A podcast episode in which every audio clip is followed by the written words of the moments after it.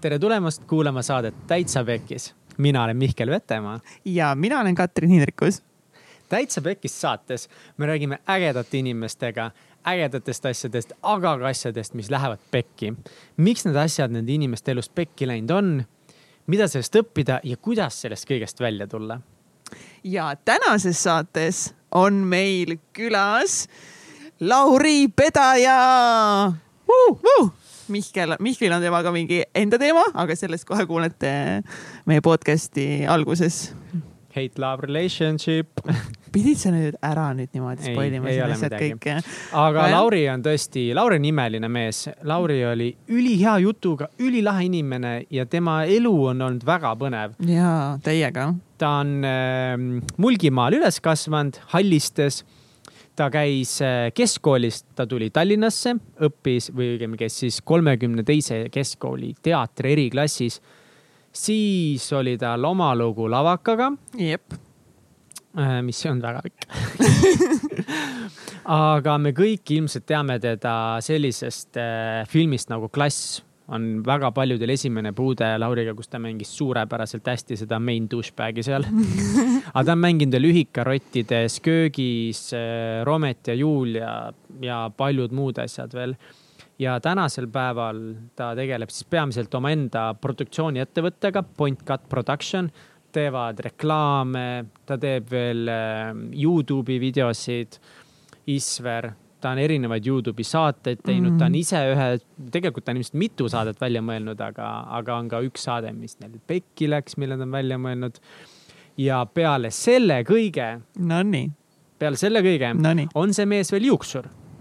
see on küll amet, mida täna teeb ainult teatud valitud eliidile tema eliidile, mitte tema, Eesti eliidile, vaid tema eliidile, jah. aga ta on niivõrd kõva juuksur, et äh, aastal kaks tuhat seitseteist sai ta veel aasta juuksuriks ka nii et tundub, et kõik, mida see mees teeb, teeb ta väga hästi, ta teeb kirega, ta teeb tipptasemel, kuid ja. see kõik on tulnud läbi üle kivide kändude. ja, ja Lauri on ka maailmaparandaja südames, kes hoolib sellest, et äh, me ei tarbiks äh, nii palju, kui me tarbime ja et me võiksime vähem äh, siis tarbida loomseid produkte. ja tegelikult Lauriga rääkisime ka tema suuresti väga palju tema elu mõjutanud äh, autoõnnetusest mis on väga hull nagu story ja mis ta sellest õppis ja. aga Lauri tõesti, ta on ülilahe. ma tean, et ma ütlen seda lihtsalt iga inimese kohta, aga nii on, aga lihtsalt nagu kõik inimesed on nii erinevad ja nii lahedad ja Lauri on üks nendest, kes suutis mind jälle mingite asjade üle mõtlema panna nii et ma loodan, et te naudite seda episoodi ja kirjutage meile või kirjuta meile. ja sina, sina, sina, kes sa praegu kuulad meid, siis kirjuta meile, keda sa tahaksid, et me saatesse kutsuksime. ja, ja te võite kirjutada ka seda, et mis on veel mingid teemad või asjad, mida me küsida võime neilt inimestelt. meile küll meeldib rääkida nende eludest ja asjad, mis lähevad pekki ja kui teil on veel huvitavaid mõtteid, siis eh, kirjuta ja, ja, ja, ja jah, täpselt ja kirjutage, kes võiks saatesse tulla. ja, avaldame arvamust, see on meil oluline. super ning peale selle, kaheksateist mai, Vaba Lava, täitsa pekkis. Live show üks punkt null uh, siin on loetud nädalad põhimõtteliselt oh jäänud. my god. ja see tuleb väga eepiline. see tuleb eepiline nagu need inimesed ja need lood ja see energia, mis saab seal olema, sa ei taha sellest ilma jääda nagu päriselt, sa lihtsalt ei saa, sa ei saa, nagu ja, ma ei tea. Need on päris lood päris inimestest, inimestelt, päris elust ja. see on päris energia seal ja need kõik need lood, mida meie esinejad räägivad, on lood, mida nad ei ole mujal jaganud, nad ei ole meie podcast'is neid väljakutsetest rääkinud. ja, ja mis on veel selle ürituse meie üks nagu suuri eesmärk on luua like-minded inimestest community issand, ma räägin nagu eesti inglise keeles, on päris, päris halb. aga inimesed, kes mõtlevad sarnaselt, kes on edule orienteeritud, kes tahavad saavutada enda parimat mina, siis nendest, nendest inimestest me tahame luua siukse ägeda kogukonna ja ainult need inimesed, kes sinna kohapeale tulevad, saavad alguses siis osa sellest äh, kogukonnast, et neil on nagu sihuke spetsial äh, programm välja mõeldud, et äh, kuidas me seda asjat looma hakkame ja, ja see saab olema vinge see saab väga vinge olema. nii et ootame teid kõiki juba live show'l, laivis. ja täitsapekkis.ee saate pileteid osta, saate seal sõbra kombot osta, mida soovitan. kindlasti soovitan. jah. nii et. nii et kuulamist, kuulamist.. tere taas äh, kuulamast, kallid sõbrad. täna on meil saates üks mees, kellega mul on hate-love relationship mida? see mees on Lauri Pedaja noh, see algas hästi milline see? räägime selle vihkamise ära kohe, las ma, las ma pakun täiesti huupi. Nii. sa vaatasid üksteist aastat tagasi klassifilmi ja siis äh, sa nägid seal seda Andersi tegelaskuju ja blablabla bla, bla, bla, kogu Jep. see muu igav jutt sinna nii juurde. originaalne Mihkel. täiesti mõttetu nagu mul on sensitiivsed võimed, saad sa aru, mul on võimed. nojah, ilmselt sulle on seda palju öeldud, aga okei okay., aga põhimõtteliselt tegelikult, kust äh, laab poolt, no nagu jah, mingi iga teine teismeline tol hetkel klassifilm läks räigelt hinge sitaks, hea Mhm. film mm. -hmm. ülitore, et tegite jumala hea purpose, kõik jutud.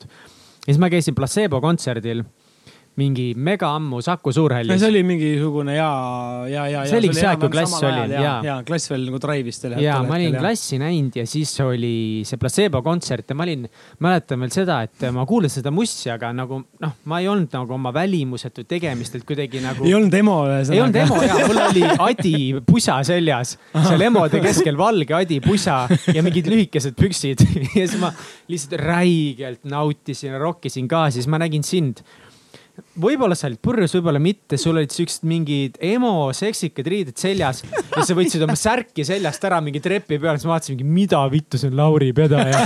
Oh my god, väga cool, mõtlesin, ma lähen lähemale, siis ma mõtlesin, et kurat, oli täielik värdjas seal filmis. kui sa mäletad seda, mina mäletan seda Placebo kontserdit äh, imehästi, sellepärast et ma olin seda väga pikalt oodanud Mm, äh, väga-väga pikalt oli Placebo mu lemmikbänd. Ja see oli väga-väga palav äh, mai lõpupäev ja see, ma olin esireas kusagil, ütleme selle esimese kuni kolmanda rea vahele kõlkusin.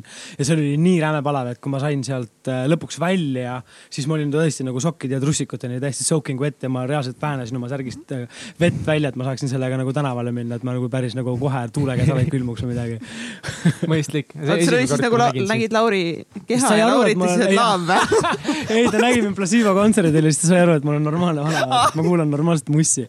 ja, ja see, see, see oli see pool, kus see laav tuli juurde nagu ja siis ma olin mingi oh my god, mega cool. ei, aga alati, kui inimesed tegelikult ütlevad mulle, et äh, nad vihkavad mind peale seda klassirolli, siis äh, ma võtan seda alati nagu, ma olen õppinud täna seda võtma nagu komplimenti, et noh, job well done, et äh, inimesed ei suuda aru saada sellest, et see on nagu roll, et yeah. sa ei vaata Mm. Arnold Schwarzeneggerit ja ei mõtle, et kui sa talt naha pealt ära tõmbad, et siis tuleb alt robot välja, et sa saad aru, et ta on ikkagi luust ja lihast inimene on ju seal all, et et aga ei noh, kompliment, aitäh jah. ei, aga, aga nagu selles mõttes tegelikult ma tegelikult ei vihkanud sind ikka, ma pean ütlema, ma ei ole nagu nii opakas peast. no aga neid tüüpe oli, kes. Neid on ja ma tean, need on päris ja, ja, inimesed. ja, ja See noh on-, siiamaani paljud inimesed ikkagi ei ole veel aru saanud sellest. see on et see ei ebareaalne ole. päris Lauri, kes seal oli, jah? see Game of Thronesi Joffrey sai nii räigelt palju tapmisähvardusi pärast seda, kui ta mängis seda hullut halba tüüpi no seal. ma Game of Thronesiga olen väga hästi kursis, et ei pea no, no ongi, aga see ei ole lihtsalt see. ei no jaa, aga see on lihtsalt inimeste madala laubalisus, vaata kui äh, noh, võib-olla inimestel on läinud siis nagu reaalsus ja fiktsioon juba nii segamini, et äh, kõik, mis tuleb telest, tundub neile reaalne, et äh, no inimesed võiksid ju tegelikult sellest aru saada, et äh, ka reality show'd on lavastatud ja ka Selgeltnägija saated on lavastatud ja kõik need asjad, et ei ole ära seleta, Lauri, see on kõik full värk, see on ei päris elu. absoluutselt mingi full Ei. värk, need on kõik täiesti ei, lavastatud on asjad. päris elu. ei ole. Ma arvan, et sa pead sellele mikrofonile veits lähemalt rääkima võib-olla. Davai, ma proovin ja mul on koer kaasas, ütlen üks side note'i lihtsalt, vahepeal tuleb mulle sülle ja asjad, et siis ma pean tegelema ka oma pereliikmega. ja see on väga fine, sa oled esimene külaline, kes oma lemmiku kaasa võttis, see on lahe, tema nimi on Rudi. ja koer kaheaastane. miks ma ta kaasa võtsin, on see, et mul on Brute reisil ja siis ma pean nüüd kaks nädalat kantseldama teda, ta peab minuga igal pool põhimõtteliselt kaasas olema, et ma tulin otse töölt stuudiost, nii et ma Mis ei hakanud ta on? temaga. ta on äh, Dax Russell. Taks Russell mm -hmm., okei okay,, huvitav segu. Aga enda make sense, mõlemad on siuksed. väga lahe. alguses ma ütlesin inimestele, et on äh, Taani hagi ja, ja kõik jäid uskuma ja siis ma mõtlesin, okei okay,, see on võib-olla natuke cruel nali, et ma siis ütlen Dax Russell. ma ei jääks ka uskuma, sest mul pole õrna aimu. no täpselt, kellelgi ei ole õrna aimugi, mis asi on nagu hagi ja kõik teavad, et on olemas mingi koer, on olemas isegi Eesti hagi ja onju. oot, see on see suur jah? ei ole, Eesti hagi on pisike Aa, no suhteliselt siis- ta on siis jahikoer väikene, ta on umbes sama suur nagu Rudi. näeb sihuke taaruline välja. Võtsid Okei,, võtsid cool. varjupaigast ta, ma saan ma aru. võtsin ta varjupaigast ja me võtsime ta varjupaigast ma olen nädal aega üksi vaata olnud juba, ma elan juba ainsuses natukene. ma võtsin, ma tegin.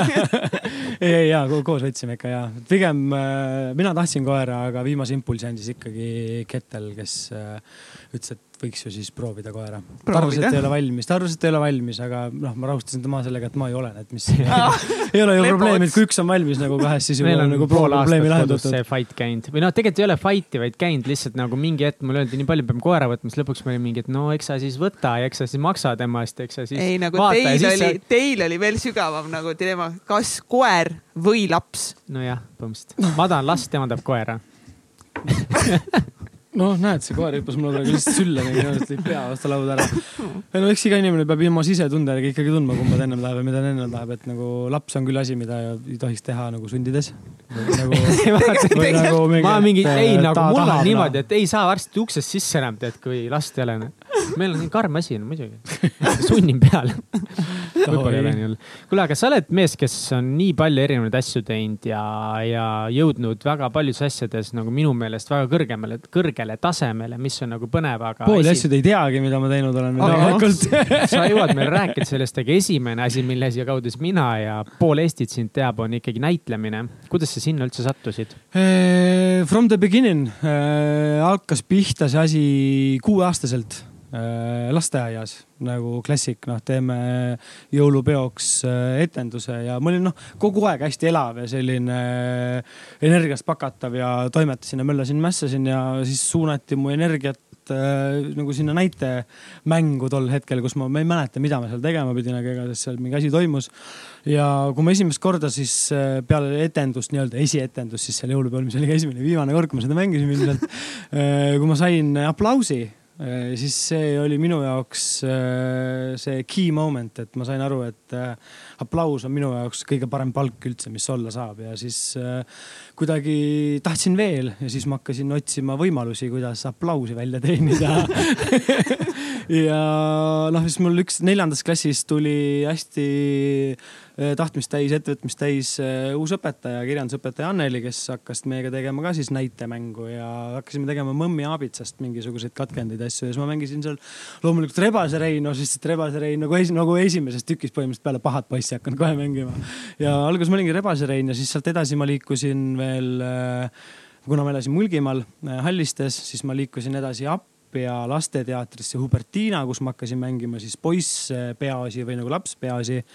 ja siis, kui tuli põhikooli lõpp ja Voila Tallinnas kolmekümne teises keskkoolis taas avati äh, teatriklass ja siis ma kandideerisin sinna ja mind võeti vastu ja siis sealt oli nagu juba koolitus, treening, õpetus, filosoofia, kirjandus, kõik see tuli sinna nagu taha ja juurde ja, ja sain öelda siis, võiks öelda nagu natuke rohkem kindlasti kui baashariduse, aga kohe kindlasti mitte nagu tugevat nagu näitlejaharidust mm., mida saab Viljandist või siis äh, lavakast, eks ole. mm. -hmm.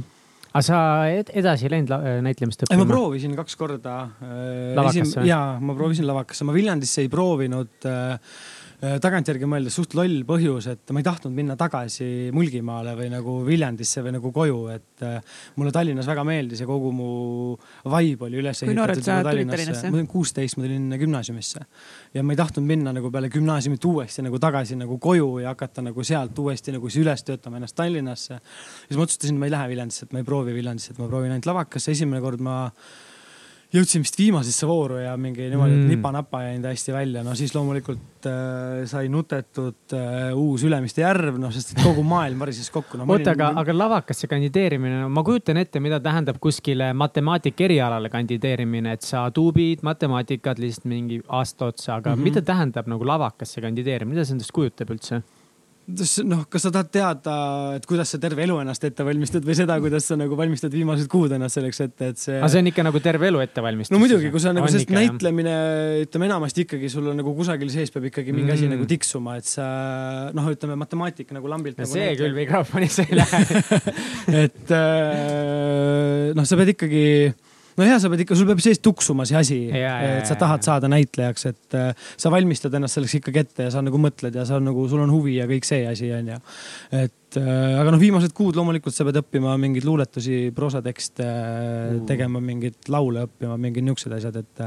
et noh, kui tegelikult, kui öeldakse, et lavakakatsed umbes, et tohutult rasked ja rõvedad asjad, loomulikult nad on vaimselt rasked, seal on ka füüsilist, seal on tantsu mm., seal on mingi kõnetehnikat, no ühesõnaga etüüd ja kõiki asju nagu noh, sind pigistatakse ikkagi nagu Äh, päris tühjaks, et äh, see süsteem näeb seal välja niimoodi, et kõigepealt on kevadel on eelvoor, vanasti oli, ma nüüd ei tea, ma ei ole rohkem proovinud. Äh, kõigepealt on eelvoor kusagil kevadel, kus siis nii-öelda terad eemaldatakse sõkaldest, ütleme a la minu ajal oli viissada, sealt sõeluti välja kusagil sada tükki kes said siis edasi nagu suvistesse, noh pidid lõpetama keskkooli, nad pidid saama su diplomit, näha, et sa oled keskkooli lõpetanud. ja siis äh, tulid äh, järgmised voorud ja seal oli lõpus oli siis kolm vooru, kus siis peale igat vooru nagu pudenes nagu inimesi järjest ära ja seal alguses olid, tegid samamoodi mingi proosateksti äh,, kaks luuletust äh,, laul ja siis anti sulle mingeid ülesandeid, siis teises voorus oli juba laul, tants äh,, hääleseade ja kolmandas voorus oli vestlus ja mingisugused lisaülesanded, kui oli tarvis kui kaugele sa siis said seal? viimasesse vooru jõudsin mm. kõige paremal katsumusel Öeldi, et mm. no good. ja ma pärast, ma pärast ma olen nagu nüüd hiljem, äh, ma olen kuulnud seda nii-öelda nagu linna pealt nüüd noh, rohkem kui kümme aastat tagasi, et äh, ma olla olnud liiga enesekindel. et ma olin jätnud natuke sellise mulje, et ma tulin, paugutasin jalaga ukse lahti, lasin äh, laeauke täis ja ütlesin, et ma olen nüüd kohal, et võtke mind vastu, et. aga ma ei aga saa. oli nii või? oli oli, oli, oli, ma olin väga self-confident ja ma, ma ei läinud lavakasse proovima, ma läksin sinna ikkagi sisse saama ja sellepärast ka see nagu kukkumine oli niivõrd valus, et äh, ma olin kuueaastasest peale mõelnud, et minust saab näitleja, eks ole, ja mm., ja noh, väikse poisina a la stiilis vaatasid esimesi Eesti teleseriaale, seriaale nagu Salmonid või Veri või mingi mm -hmm. sihuke ja mm -hmm. siis mhm. nägid seal noort Mait Malmstenit, mõtlesid, et ma olen üks päev see, sest ta oli tumeda peaga, ma olen ka tumeda peaga, vaata. kuidas sa selle vastuse kätte said, et sa ei saa? Kas see helistavad või ei, mis helistavad, see on väga lihtne, pannakse üles nimekiri eh, nööpnõeltega stendile nende inimestega, kes saavad edasi. kuhu kohta? Eh, Sinna... järgmisse vooru või kooli sisse siis olenevalt siis. ei, ma mõtlen, kuhu kohta nad panevad selle. stendi peale koolis kooli, lavakas ja. see noh, sa ootad ära need eh, tulemused Aa, seal okay,, et see okay, ikka okay. praadimine.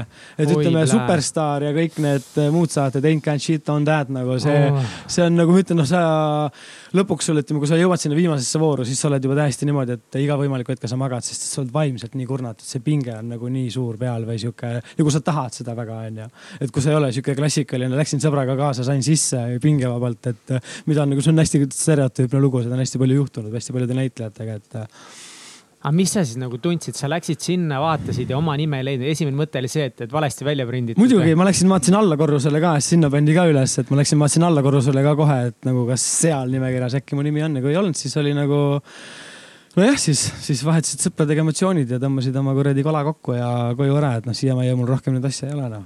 sellega oli nii aga kui no., kui kaua sa kodus nagu praadisid ennast või, või sa kohe mõtlesid, et ma lähen katsetan uuesti järgmine või kas sa järgmine aasta või sa ütlesid, kaks ei, korda oled proovinud? lavakasse võetakse üle aasta ja samamoodi ka Viljandisse, et Aa. Äh, iga aasta lende ei toodeta nii-öelda. Pole näitlejaid, noh, pole vaja nii palju okay. näitlejaid mm., ei sure eest ära ja üle aasta, siis ma läksin, vahepeal läksin siis juuksurikooli, sest et äh, midagi oli vaja teha. loomulikult esimesest äh, emotsioonist, kui ma lavakas ei saanud, oli mõte, et äh, fuck that shit, et ma lähen äh, Kalevipojaks, ma lähen Soome. kuna ma olin neljateistkümnendast eluaastast saadik, see on nüüd asi, mida teie ei tea, vaata äh,. neljateistkümnendast eluaastast saadik ma olin äh,, töötasin põhimõtteliselt kõik äh, koolivaheajad, suvevaheajad, kõik asjad Tallinna lehit, Tallinnas ehitusel nii et ma olin ehitusmees ja ma tegin, ja ma tegin maalritöid ja fassaaditöid ja asju. mu isa ja onu on terve elu tegelenud ehitusega ja mõlemad ehitusettevõtjad ja siis ma olin nende all tööl ja tegin ehitustööd ja ja siis äh, mul oligi mõte, et nagu noh, tol ajal hakkas see Kalevi pojandus nii-öelda mm. nagu sündima ja see fenomen nagu kasvama. ja tõesti nagu Soomes maksti head raha ja siis ma ütlesin ka, et nagu mingi ma lähen panen kuradi aasta-poolteist Soomes äh, pahtlit ja siis äh, tulen lavakakatsetele uuesti ja noh, kui ma selle idee nagu välja käisin, siis mul ema muidugi loputas mu kohe läbi, ütles, et sihuke loll mõte unusta kohe ära, sa ei lähe mingi Kalevipojaks, et nagu sina oma kuradi käte ja mõistuse ja oskustega nagu see on täielik raiskamine, et ma ei luba seda. et hakka nüüd rahulikult endale alternatiivi mõtlema no alternatiive oli, aga kuidagi kõik nagu meelega magasin maha et nüüd tagantjärgi mõeldes, et mm, -hmm. et noh, mul oli üks mõte oli minna õppima tantsu näiteks, üks oli mõte oli mõte minna õppima disaini ja mingeid asju, aga ma kuidagi nagu, mul ei olnud nagu nagu sihukest usku või sihukest nagu tahtmist, et või vajadust, et ma pean minema ülikooli või et see on mulle nagu need akadeemilised teadmised, et need oleks kuidagi mulle nagu tohutult nagu vajalikud, et äh, ma olin juba nagu suhteliselt noorena panin endale nagu paika selle, et ma olen nagu pigem loomeinimene mm -hmm. ja et mina nagu selle peale nagu loota ei saa, et ma hakkan saama mingit riiklikku pensionit või mingit asja, et ma pean nagu oma nagu oskuste, pea ja kätega suutma ennast nagu eluaeg ära elatada, et, et noh, kontorisse mind kinni ei pane, et see ei ole nagu võimalik, et kui see ainult enda kontorisse, et see on nagu ainuke variant, et vaba loominguline hing ja ma ei saaks öelda, et ma oleks konfliktne koos töötades, aga ma olen individualist natukene ja kontrollfriik, et ma pigem teen ise kui lasen kellelgi teisel teha. okei meil käis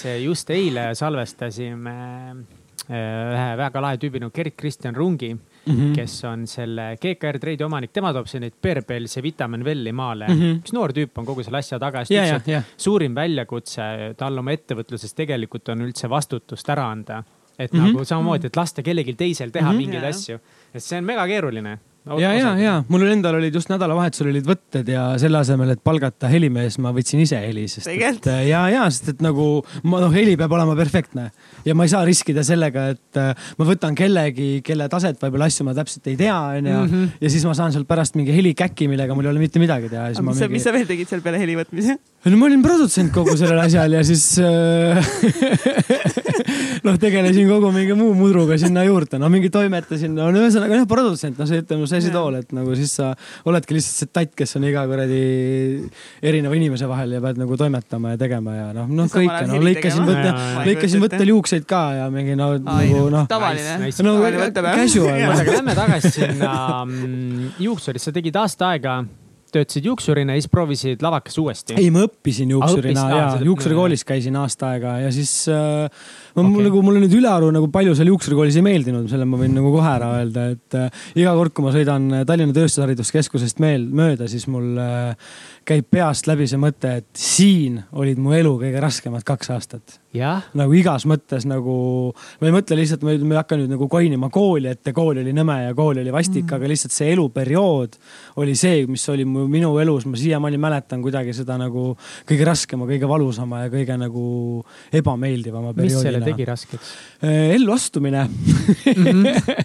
see tegi selle raskeks ja ebameeldivaks, et kui sa üks hetk nii-öelda sul ikkagi noh, täielikult lõigatakse nabanöör läbi on ju, sulle öeldakse, noh krooni aeg oli, et sa saad nüüd kaks tuhat viissada krooni äh, üüri maksmiseks tol ajal äh, kahe tuhande viiesaja krooni eest sa ei saanud endale kuuri ka üürida, ehk siis see oli nagu pisku sellest. me elasime Õismäel sõpradega, meil oli üür oli vist kuus tuhat krooni mm.. ehk siis noh, ma sain nagu oma osa nagu ära maksta, aga kommunaalideks enam ei jagunud.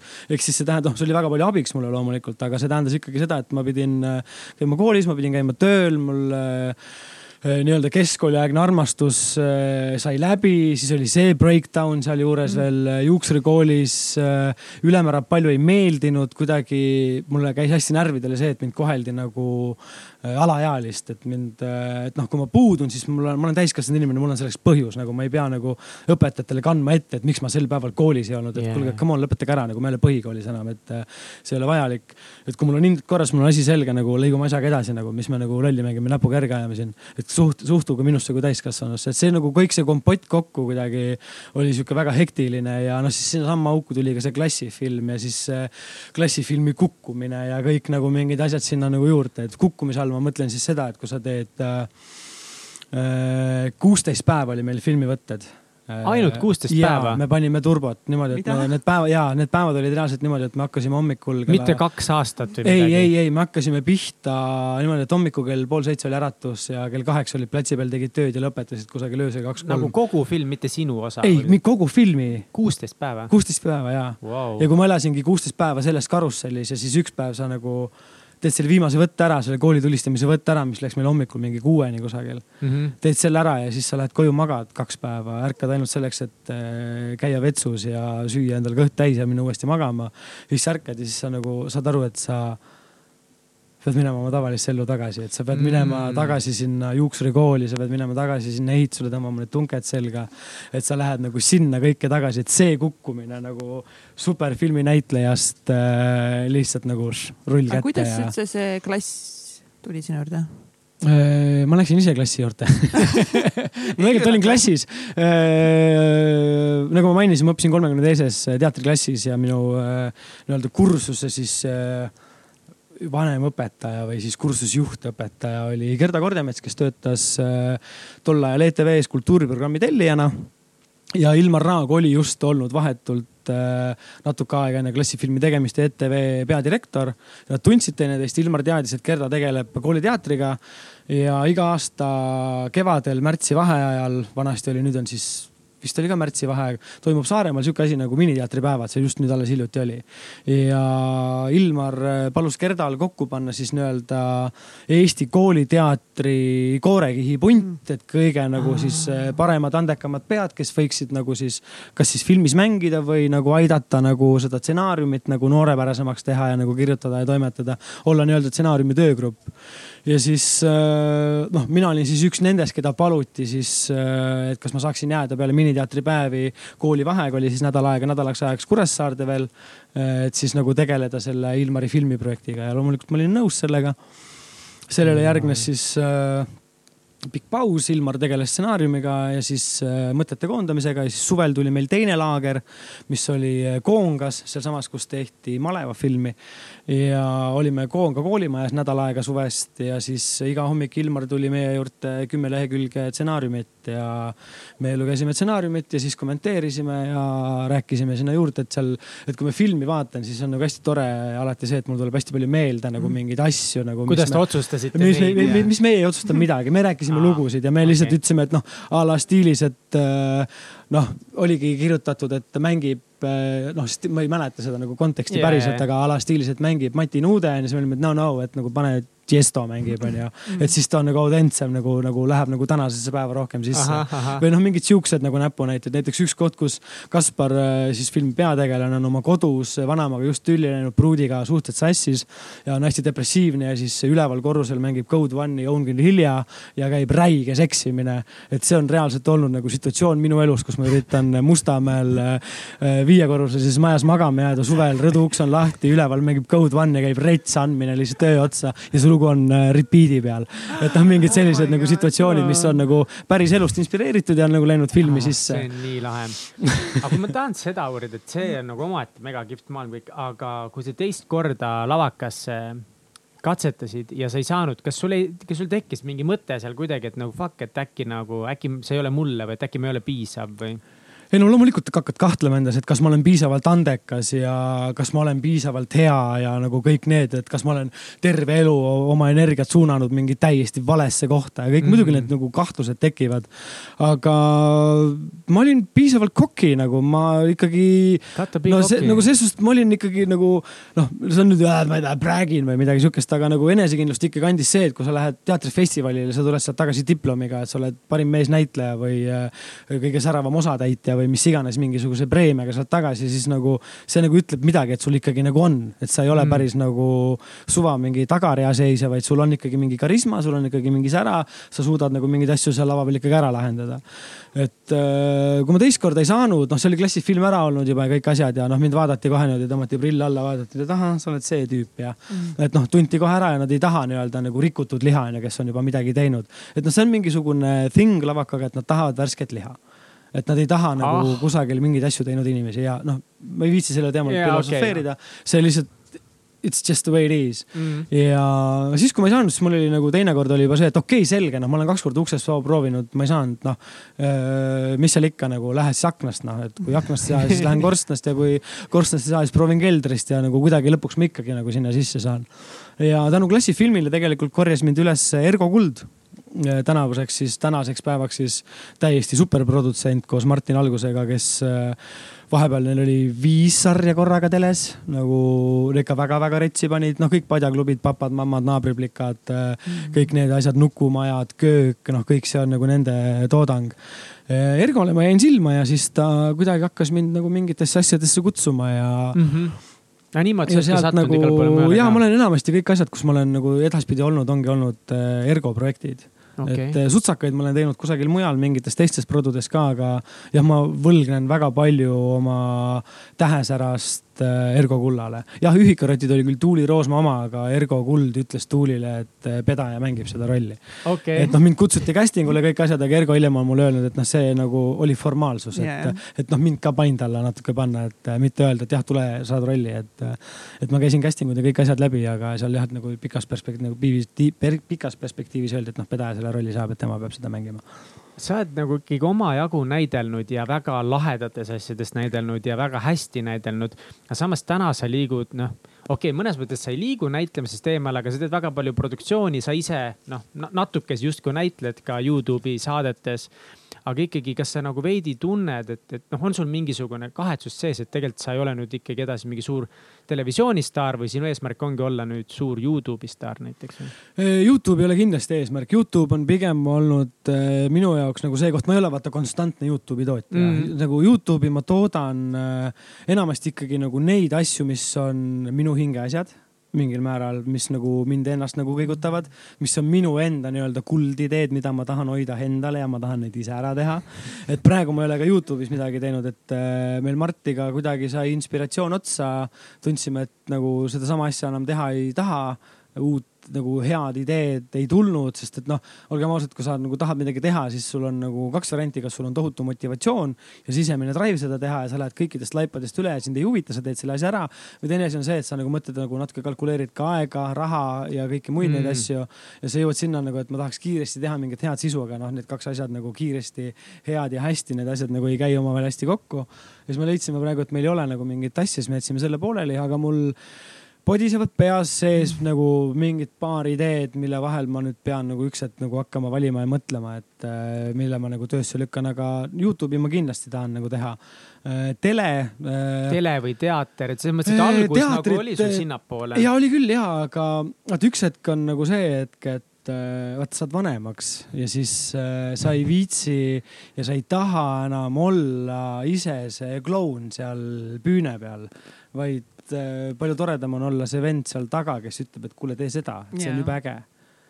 Okei okay,, okei. okay.. tema võtab selle aplausi ja kõik Aha. asjad onju, aga ma olen lihtsalt nii-öelda siis nagu niiditõmbaja või hall kardinal, et, äh, et mulle meeldib äh, võttagi mingeid, näiteks noh, praegu me teeme Skyle, Sky meediale teeme Kristina Pärtelpojaga koos sisu ja noh, lihtsalt mina võtan seda kui niimoodi, et mulle on antud roomaterjal äh, Kristina Pärtelpoja puhul kätte, tee tast nüüd saatejuht oma oskuste, oma teadmistega, mida ma olen oma elu jooksul kogenud, ma ei ole ju kusagil koolis käinud. ja tee tast palun nüüd saatejuht saad voolida mingeid mm -hmm. ägedaid projekte teha, ja inimesi ja kõike nagu, see on nagu lahe. et ma ei pea ise nagu kõike tegema, loomulikult mingid asjad nagu, mida ma, mingid projektid või mida ma teen või mida ma produtseerin või olen kusagil kaadri taga, noh jah, tihti käib peast mõte läbi, et ma ise teeks paremini. Aga kuidas sa aru said, et sulle meeldib see, kus, kuidas see nagu see muutus toimus, et tegelikult sa tahaksid seal kaamera taga rohkem olla? ma mäletan väga selgelt, kuidas see muutus toimus, see oli hetk, kus ma otsustasin, et ma pakin oma asjad ja ma lähen Austraaliasse ja ma ei taha enam juuksuritööd teha, et ma tahan juuksuritöös puhata mm. -hmm. ja siis ma mõtlesin, et noh, et mis ma seal Austraalias ikka niisama kuradi tühja käega ringi käin, et võtan siis kaamera ka kätte ja hakkan nagu vlog'e tegema.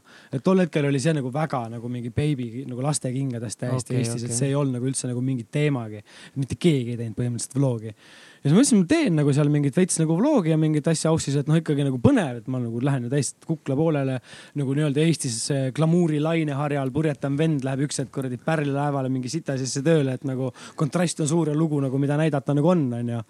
ja siis ma toimetasin seal selle kaamera asjaga Äh, side note'ina märgin ära ka kohe selle, et selle produktsiooni jutuga tuleb hästi palju juttu Siimust. Siim on mu lapsepõlve parim sõber, me oleme koos Allistis üles kasvanud, äh, koos koolis käinud ja siiamaani koos toimetame ja siis eh, Siim õhutas mind ka kogu aeg ja õpetas ja suunas mind äh, mingi monteerimise asjadega, et mm. kuidas, mida teha ja mingi toimetas, no ühesõnaga ta on pimpinud mind terve elu. tema on terve elu minu niiditõmbaja nii-öelda yeah., et mingi reidi aegadest saadik ka, et Siim tegi pilti, töötles ära, pani ülesse, mina panin ülesse, Siim oli moderaator, pani kiirelt pomm ülesse, lükkas erilistesse ka, feimi tuli, kõik mingid jutud nagu korralik mingi skämm. ja siis äh, seal Aussis ja ma toimetasin ja nokkisin sellega ja siis äh, mulle hakkas väga meeldima see, see oli nagu äge äh, ma õppisin iga päev nagu nii palju uut, et nagu iga video, mis ma tegin, ma olin mm. rets, nagu, mis ma juurde õppisin.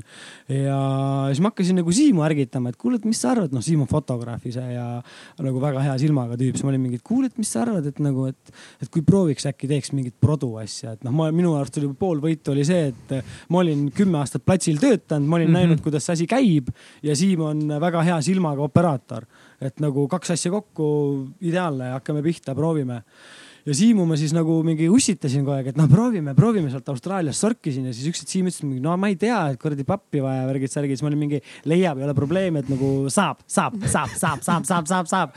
ja siis äh, tulin kuradi Padavai Eestisse ära, et hakkame produktsiooni tegema, aga siis oligi, et kuradi raha ei ole enam et kogu see pull nagu maksab nii palju ja sul ei ole nagu, noh, me ei tahtnud hakata tegema produktsiooni nii, et me käime kuradi kogu aeg mööda linna ja laename igalt ühelt mingi ühe käest nagu ühe asja, teise käest teise asja, et mm. -hmm, et, et pigem nagu hoiame natuke nobuseid sellega, nokime käepäraste vahenditega, teeme enda lõbuks mingeid asju ja kogume raha ja hakkame siis tehnikat ostma ja vaikselt see asi podises ja siis oligi üks, et noh, nüüd on nagu viiekümne ruudune tuba on asju täis ja aga kui, töö käib täie hooga. kas te käisite siis päevatööl või kust sa selle raha said, mida sa hakkasid kõrvale Ikka panema? päevatööl muidugi, me mõlemad mm -hmm. käime nagu, käisime tol hetkel nagu -hmm. päevatööl, no Siim käib siiamaani full time üheksast viieni tööl mm. -hmm. ja no mina nagu noh ma nimetan ennast vabakutseliseks, et äh, ma teen veitsa juuksuritööd nii-öelda oma sõpradele, perele ja kuldsematele klientidele. Eesti eliidile mitte Eesti eliidile, minu eliidile. see on minu eliit, Eesti eliit. see on next level veel. ja selles suhtes nagu ei, glamuur ja Lauri Vedaja, need asjad ei ole nagu mingi teema, et see, te ilmselt nagu, kui te tahate, otsite, väga pingutate, te ei näe mind mitte kusagil äh, siuksel mingi Eesti glamuuriüritusel, et ja, äh, ja. no mingi jah, mingi filmi ja teleauhindadel, nendel ma olen nagu käinud siukestel asjadel, aga keegi avab kusagil mingit poodi, et seal mind ei näe, et äh, või keegi avab mingi baari või klubi, et siukestel asjadel mind mitte kunagi ei näe, et see, äh, ma jälestan seda Eesti plasmas glamuuri aga ma läheks korra tagasi, et miks sa üldse otsustasid minna Austraaliasse, nagu sa enne vist ütlesid, olid nii-öelda juuksurite tipulaineharjal ja miks sa otsustasid üldse minna sinna? ma olin igatepidi tipulaineharjal, ma tegin äh, uuesti sarja telesse, me tegin kööki, hakkasime tegema, see oli meeletult populaarne, mul oli tõesti juuksurina tööd rohkem, kui ma oleksin jõudnud ära teha äh,. aga eraelu läks perse see on vana hea, vaata kusagilt nagu, kui sul on kusagil hästi, kui sul on tööl hästi, siis on kodus halvasti, onju. ja see pendeldab kogu aeg, see tasakaalu leidmine on nagu maru kuradi keeruline aga ma ei saaks öelda, et mul oleks tegelikult äh, suhe Gretega läinud äh, tuksi sellepärast, et ma oleks üle töötanud või et ma ei oleks nagu, töö pärast nagu kuidagi oleks see nagu midagi halvanud. ta oli ise ka väga ettevõtlik ja asjalik inimene siiamaani. et see ei olnud nagu küsimus. Läksime lahku ja kuidagi tundsin, et ma olin kurat vana ma olin, jube raske meenutada, aga ma olin vist mingi kakskümmend kuus, kakskümmend seitse, kusagil seal vanuses mm. -hmm. mingi jah, kusagil jah, mingi kakskümmend viis, kakskümmend kuus, kakskümmend seitse, selles hetkes ma käisin ära. ja ma mõtlesin nagu, et nagu tahaks nagu minna, et mul oligi nagu, et no muidu oli ikka noh, suhe ja mingi onju, kuradi lapsed ja kõik asjad tulevad. meil on räigelt seda pilti juurde vaja, sest su näoilmed on lihtsalt nii head. ma räägin et äh, ja siis eh, noh, kõik see nagu kadus ära oligi nagu see, et tundsin, et ma olin nagu ennast nagu üle töötanud, nagu kinni mhm. töötanud juuksurina, et mul kadus ära loovus. Eh, piltlikult öeldes noh, viimased kliendid võtsid vastu niimoodi, et noh, tegelikult sul ei ole häda midagi, et sa võiksid ju koju minna tagasi vaata, et ei viitsinud enam. ei olnud inspiratsiooni kuidagi sihuke, loomulikult ma nagu, ma olen distsiplineeritud inimene, ma suutsin ennast kokku võtta ja ma tegin kõik tööd ära. et nagu see, see ei ole küsimus, aga lihtsalt nagu tundsid ise nagu seda, et ei ole enam seda, et ma ei saa muud moodi, kui ma pean tegema talle parima pea. ja siis äh, ma tundsin, et ma ei taha niimoodi seda tööd teha, et ma teen nagu pikkade hammastega sihuke nagu, et noh, teen ära kiretult onju, et noh, pole pointi teha, kui sa ei armasta seda enam niimoodi. et võtame ohu maha ja siis äh, juhtus selline sattuslik hetk, et üks tütarlaps tuli mul juuksurisse otse lennuki pealt, kui ta oli Austraaliast tulnud Eestisse, ta oli vist aasta aega ära olnud, ta tuli suveks Eestisse. ja ta rääkis mulle selle asja nii ägedaks, ta müüs mulle selle megalt maha nagu mm. -hmm. ja ma olen jumala rahul, et ta mulle selle maha müüs ja siis mõtlesingi, et nagu, aga fuck it nagu, mida mul kaotada, mul ei ole mitte midagi kaotada nagu, teemegi kuradi restardi, no müüme kõik sita maha, onju ja paneme minema ja raha tol hetkel, noh, ma müüsin autod ja kõik asjad maha, ehk siis nagu raha nagu oli, onju, et ma sain nagu võtta pinge vabalt, et ma ei pidanud muretsema sellepärast, et, et kui ma kohe tööd ei leia, siis ma mingi noh, mida iganes kuradi ema anna raha, onju. et seda nagu tantsu tegema ei pidanud. ja siis mõtlesin, aga ma siis lähen proovin, vaatan, mis toimub nagu, kuidas on noh. käisin, väga äge oli ja ei meeldinud mulle ei meeldi nagu, mulle meeldis ära olla ja kõik see, et ma selle kogemuse tegin, et ma olin üksi ja äh, tegelesin iseendaga hästi palju ja enda mõtetega ja enda avastamisega ja enda sisemiste probleemide lahendamisega. see kõik oli hästi lahe, aga Austraalia kui koht mulle ei meeldinud. et äh, minu jaoks on nagu hästi oluline, te saatsite mulle ankeedi ka, et nagu mis teemadel mm -hmm. võiks rääkida, siis ma kirjutasin sinna toitumine, mis tegelikult, mis on pekki läinud asjade hulka nagu tegelikult ei kuulu, aga toitumine on minu jaoks olnud kuidagi eluaeg nagu hästi hingelähedane ja kuidagi nagu toit on minu jaoks hästi oluline olnud mm -hmm. teema ja Austraalia toit oli lihtsalt selline, et äh, seal oli kaks varianti. kas ma sain osta toitu, mis mulle ei maitsenud mm -hmm. või ma ei saanud osta toitu, mis mulle maitseb, sellepärast et see oli lihtsalt nii kallis et. aa, kallis, no sest no, Austraalia on ju ilgelt. hästi kallis, noh, aga see on, palgad ja asjad on ka suuremad mm, -hmm. aga ütleme ikkagi nagu kõik, mis on nagu tervislik, on kallis, et noh, mhm. piltlikult öeldes üks banaan, üks euro, avokaado maksab kaheksa euri, noh, mingid siuksed wow. asjad. et see on ikka nagu väga-väga kallis. seal on muidu jah, tervislik toitumine hästi levinud. no ja... nüüd on, nüüd. nüüd see on nagu populariseeritud jah, need olid hästi ülekaalulised asjad, aga tervislik toit on nagu no populaarne, aga see on hästi kallis. seal on väga suur vegan kogukond. ja, aga see on aga, aga ja, ja, aga noh, seal on, aga seal on ka võimalus, vaata, seal on aga nii soe, et sul on seda yeah, nagu rohelist aasta läbi saada, onju et äh, seal tõesti seda tervisega, aga see on kallis, see on meeletult okay,, meeletult kallis okay,. seda ma ei teadnudki, et see. no, kaua, kaua sa kokku olid seal Austraalias? ma olin Austraalias viis kuud ja siis ma olin kuu aega pallil hmm.. siis ma lõpuks võtsin endale. kas sa olid üksi pallil? ei olnud üksi pallil. see ei olnud see kord, kui sa üksi käisid? ei, see pallil ma ei olnud üksi. mul tekkis siin enne, kui ma Eestist ära läksin, tekkis üks pruut ikka tuleb mingi naine mängu. naise pärast lähed, naise pärast tuled, lükka ja tõmba. ja, ja, ja no, no Lauri ja naised, no sellest võib kirjutada eraldi raamatu nagu see on omaette ooper olnud äh, kuni siis Kettelini nagu mingi täiesti virvarr on käinud. aga nüüd ajasid mõtte lenga sassi, oota, ei pallil ma ei käinud äh, üksi. pallile ma läksin niimoodi, et mul siis äh, pruut tuli sõbrannaga Eestist pallile ja mina lendasin Austraalias pallile, ma pidin alguses olema siis seal äh, nädal aega nendega koos, et siis ma, mul oli laeva pealt, äh, ma tegin Pärli laeva peal tööd, siis mul oli nädal aega vaba ja siis äh, mõtlesin, olen nädal aega pallil ja siis lähen tööle tagasi. aga ma ei viitsinud tööle tagasi minna, ma ei tahtnud ja Austraalias käib töölt ära tulema niimoodi, saadad sõnumi I quit põhimõtteliselt yeah. ja siis paned send ja siis ootad kahe-kolme päeva pärast pannakse sulle viimane raha üle. et seal mingit jauramist ei ole sellega, et see on nagu väga ausalt käib see asi. sa võid okay. päeva pealt töölt ära minna, ei ole probleemi nagu kõik on nagu jumala hästi sellega seal ja siis ma jäin sinna pallile pikutama ja mulle jäi nagu meeldima seal pallil ja siis äh, üks hetk ma vaatasin, et kurat, kisu põredaks nagu taskus, et äh, peab auksi tagasi minema, peab tööle tagasi minema. ja siis äh, ma läksin peale oma pali hurraad läksin tagasi Darwinisse, kus ma enamus aja Austraalias olin. Ja kõik mu sõbrad olid edasi läinud Perthi. Ja siis äh, ma olin mingi, okei okay,, ma lähen ka siis Perthi läksin Perthi ja ma nagu olin käinud Sydneys, Darwinis ja Perthis ja igas, kõikides linnades meeletult pettunud ja siis ma olin mingi, Perth oli lihtsalt nagu mingi täiesti kõige igavam, mõttetum linn nagu maailmas, nagu lihtsalt nagu nii näotu. ja siis ma olin seal niimoodi, et ma jõudsin Perthi reedel. pühapäeval ma mõtlesin, et ma ei taha siin enam olla. esmaspäeval ostsin piletid, teisipäeval istusin lennuki peal ja neljapäeval olin Eestis. kõik, keegi ei teadnud keegi ei teadnud, et ma tulen. ainuke teadis, ainuke, kes teadis, oli mu üks tüdruk Grete. talle ma ütlesin, et äh, tule mulle palun lennujaama vastu ja too mulle kivi aga mis siis sinu elust edasi sai pärast Austraaliat? siis ma seiklesin Elumere lainetel ja otsisin oma kohta ja proovisingi seda produktsiooni asja kuidagi käima joosta ja siis äh, noh, selleks, et nagu hing sees hoida, oli vaja minna salongi tagasi tööle ja panin jälle oma juuksuri butiigi püsti ja tegin ühe Instagrami postituse ja poole tunni pärast oli tahet täis ja läks jälle minna. täiesti haige. et see oli nagu, ma olen öelnud kõikidele juuksuritele seda, et äh, reegel number üks, sinu klient peab sind Instagramis jälgima yeah.. miks ta peab sind jälgima, siis ta teab, kui sa oled puhkusel mm, ja kuna -hmm. sa puhkuselt tagasi tuled. ja reegel number kaks, kui sa võtad pikema puhkuse ja sa tuled puhkuselt tagasi, siis sa teed ühe postituse, kus sa tööl oled ja sul on kohe töö tagasi. et tänapäeval on see nii lihtne. ma olen öelnud nagu kõikidele noortele juuksuritele, kes kurdavad mulle, et neil ei ole tööd et kliente on vähe, siis ma lihtsalt tahaks kõigil kõrvust kinni võtta ja vastu seina puruks visata. et mida kuradit, teil on sotsiaalmeedia, Facebooki grupid, mingisugused äh, Instagramid igal pool, anna minna, anna kuuma, kuradi, lükka viisteist euri alla ja lendad mööda maailma peale laiali. sul on nii head lihtsad võimalused, kuidas ennast promoda. mida mina tegin, ma käisin ööklubis kuradi jagamas inimestele oma visiitkaarte, joo yeah., ma olen juuksur. Polnud sotsiaalmeediat, kuidas sa saad oma kliendi tol hetkel oli Tegelikult ka käisid nagu, niimoodi muidugi, ringi? absoluutselt, ma käisin mööda linna ringi, pläkutasin kõigile, mul on juuksur, tule minu juurde juuksurisse. kas see juuksuri business selles mõttes huvitav, et sa rääkisid, et juuksuriks õppimine tegelikult oli emotsionaalselt väga raske, ilmselt ajaliselt kõikide muude asjade kõrvalt. ei, elu, eluetapp oli raske. Eluetapp oli raske. juuksurikoolis õppimine ei olnud raske, see oli mm. lihtsalt tüütu. okei okay., see oli tüütu. aga mis, mis sulle meeldib juuksuriks olemise juures?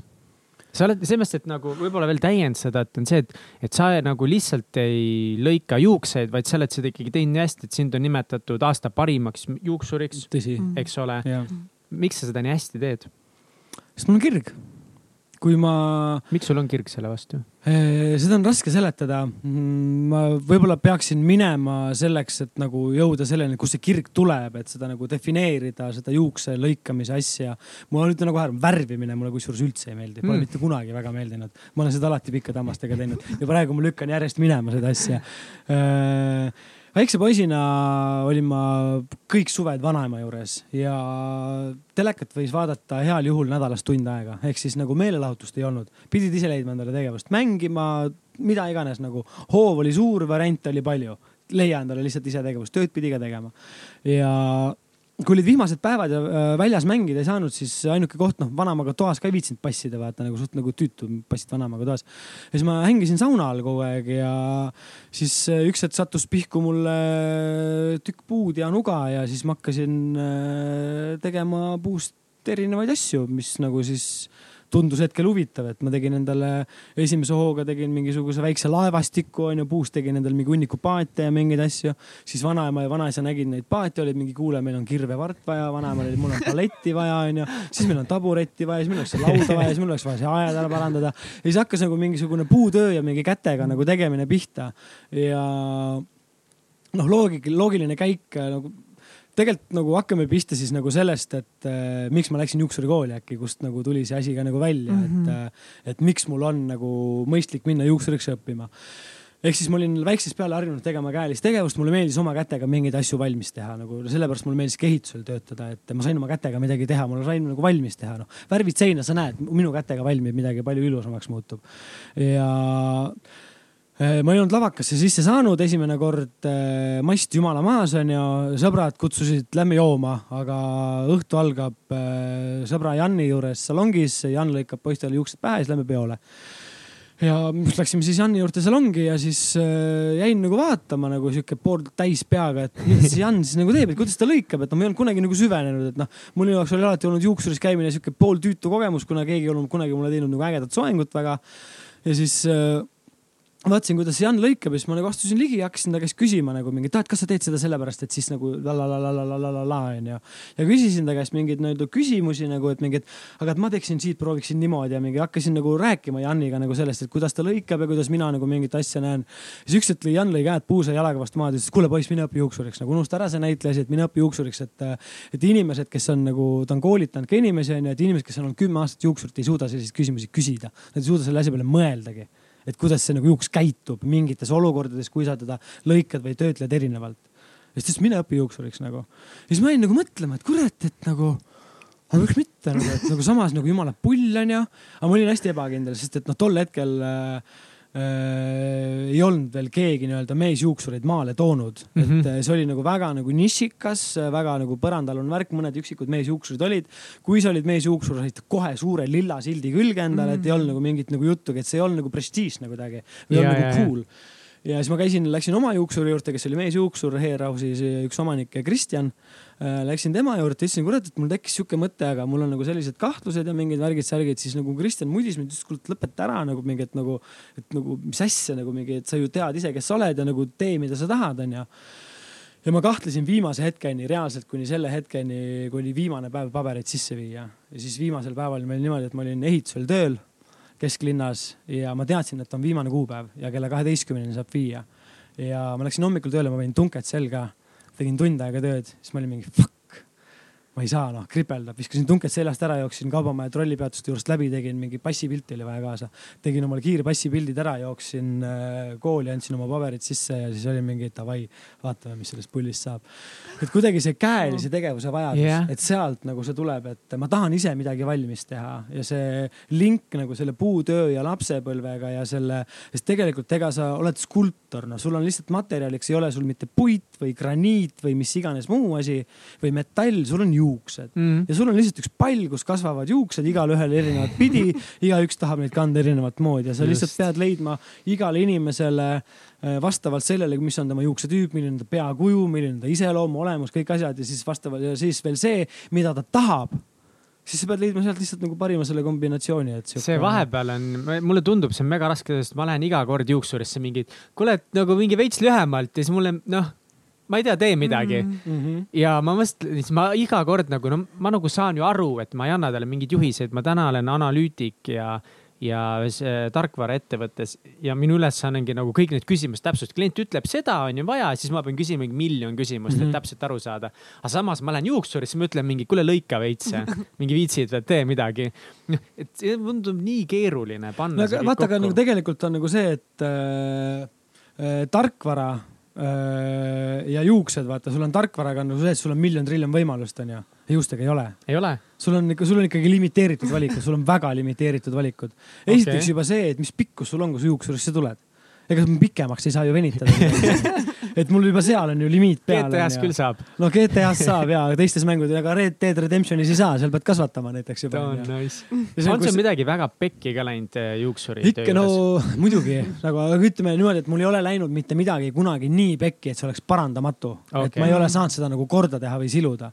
alles äh, paar nädalat tagasi üks minu kuldne nunnu Kristjan Soodalu käis juuksuris ja siis äh, lõikasin tal rahulikult äh, täiesti igapäevast äh, nagu rutiinset asja tegin äh, trimmeriga kammi pealt äh,, tegin külge nagu modelleerisin nagu kuju paremaks ja üks hetk lihtsalt trimmer äh, libises kammi pealt maha ja ma lõikasin talle see koht, kus siis see peamurde koht on, onju, kus ta nagu ära läheb, onju, ma lõikasin talle sinna normaalse augu sisse ja siis ma olin küll, lihtsalt viskasin kammi maha, ma olin davai puhkusele, no nüüd aitab nagu mingi, siin ei tohi rohkem tööd teha. aga ma sain selle korda, noh, loomulikult ütleme nagu noh, ma vaatasin no, pärast seda pead, ma olin nagu mingi, et yeah, it's, it's, it's okay. But it's not pedaja. nagu see on nagu esimese kursuse tudeng. et nagu siis ma sain selle korda, ma tegin sinna nagu mingit noh, mingit artsi nii-öelda läksin siis natuke noh, kui sa keerad perse, siis sul on valmis ka ainult artsi teha nagu,, sul ei ole muud varianti nagu. see on kunst, see on kunst. ja noh, põhimõtteliselt sa peadki nagu tegema siis sinna mingisuguse nii-öelda artsi see vimka sisse, et see näeks nagu cool välja no ma sain ta korda, aga ega nagu ma väga rahul ei olnud mm.. aga no eks ikka nagu midagi noh, mingi paned kuradi poole tooniga värviga mööda või noh, mingeid siukseid asju nagu ikka tuleb, onju. aga noh, ma ütlengi, tihtilugu pigem ongi nagu see, et äh, miks need vimkad juhtuvad, on äh, puudulik koostöö juuksuri ja kliendi vahel, et äh, klient arvab, et äh, juuksur teab, mis ta teeb ja juuksur arvab, et ta teab, mida klient tahab, aga mm -hmm, võib-olla mm -hmm. nagu noh, üks mõtles natuke lillakamat, teine mõtles natuke punakamat ja sealt see nagu pahandus majja tuleb, et äh, inimesed näevad ka värve erinevalt, mis on nagu. kusjuures jah, nagu väga, fun, fun nagu story seoses sellega. ma olen sellega paar korda kokku põrganud, et see on Lauri... nagu päris jõhker Lauri on mulle kunagi teinud kõige ilusama blondi pea ja siis ma läksin Lauri juurde too hetk ei saanud, no nüüd, nüüd ei saa inimesega, siis ei saanud, kaadrid book itud et siis ma läksin ühe teise juuksuri juurde ja siis Lauri oli samal ajal tööl ja siis ma näitasin selle juuksurile pilti onju, et nagu ma tahan sellist ta mingi, no ma ei et aga Lauri tegi nagu ja siis Lauri ütles talle konkreetselt, mis värvikoodid mm -hmm. peab kokku segama. et noh, mis saaks valesti minna, nope nagu ta tegi kõik, mis Lauri ütles ja sellest ei tulnud seda niimoodi nagu, nagu kuidas Sest, see võimalik on. seal ei ole seda ja? kätt, seda no, hellust ja seal on nagu noh, see ongi ju loomulikult nagu ma võin anda retsepti, onju, aga seal tulevad jälle mängu nagu mingisugused nagu pisidetailid, näiteks noh, kõige nagu pisidetail see tegelikult ei ole juuksevärvi puhul, kui kiiresti sa selle peale kannad. Mm.. mida kiiremini sa selle peale kannad, seda ühtlasem see pea tuleb, seda ühtlasem see värv tuleb. Mm.. et nagu ma olen nagu noh, et ongi see, et ma olen nagu väga jutukas juuksur, aga yeah. kui ma panen värvi pähe siis ma olen vait ja mul käed käivad niimoodi, et ainult juuksed lendavad. ja värv on, äh, ütleme noh, kui ütleme, sinul paneb juuksur, keskmine juuksur paneb värvi pähe põhjale kahekümne viie minutiga, siis mul on kümne mintsaga tehtud see, unustatud suitsul juba et seal on nagu lihtsalt yeah. nagu mingid asjad ja, ja noh, ma olen olnud hästi terve elu hästi kiire, hästi nagu krapsakas mm., kõik kiiresti-kiiresti nagu noh ja mul samamoodi, ma olen hästi analüütiline, kuna kui sa tegeled näitlemisega, siis sulle tambitakse terve elu seda, sa pead analüüsima. mitte oma nagu numbreid või mitte omaenda etteasteid, vaid kogu ümbrust, kõiki inimesi. miks keegi niimoodi käitub, mis on tema motivatsioon, mida tema tahab, mis teda drive ib, sa pead selliseid asju kogu aeg mõtlema. ja kui sa võtadki Jesus. näiteks ette rolli, onju, et võtamegi nagu selle, et Anders on ju see klassi tegelaskuju, onju. ega mulle ei öeldud, et kuule, mängi paha poissi et ma pidin ehitama sellele ju tegelasele ju tausta, et miks ta niimoodi käitub. seda ei öelda ette või? ei no mina ikkagi sain äh, klassi puhul, ma sain nagu ise ehitada selle tausta okay.. et kuna ma ise, kuna me noh, mõne koha natuke jutt pooleli selle teise nagu laagri koha peal, kus Ilmar meile tõi siis nagu stsenaariume, siis seal laagris me ka lõime nagu karakteritele taustad ja mind pandigi siis nagu Andersiga tegelema. kuigi laagri lõpus ma ei saanud Andersi rolli endale, mis on nagu põnev, aga sinna me jõuame hiljem natuke.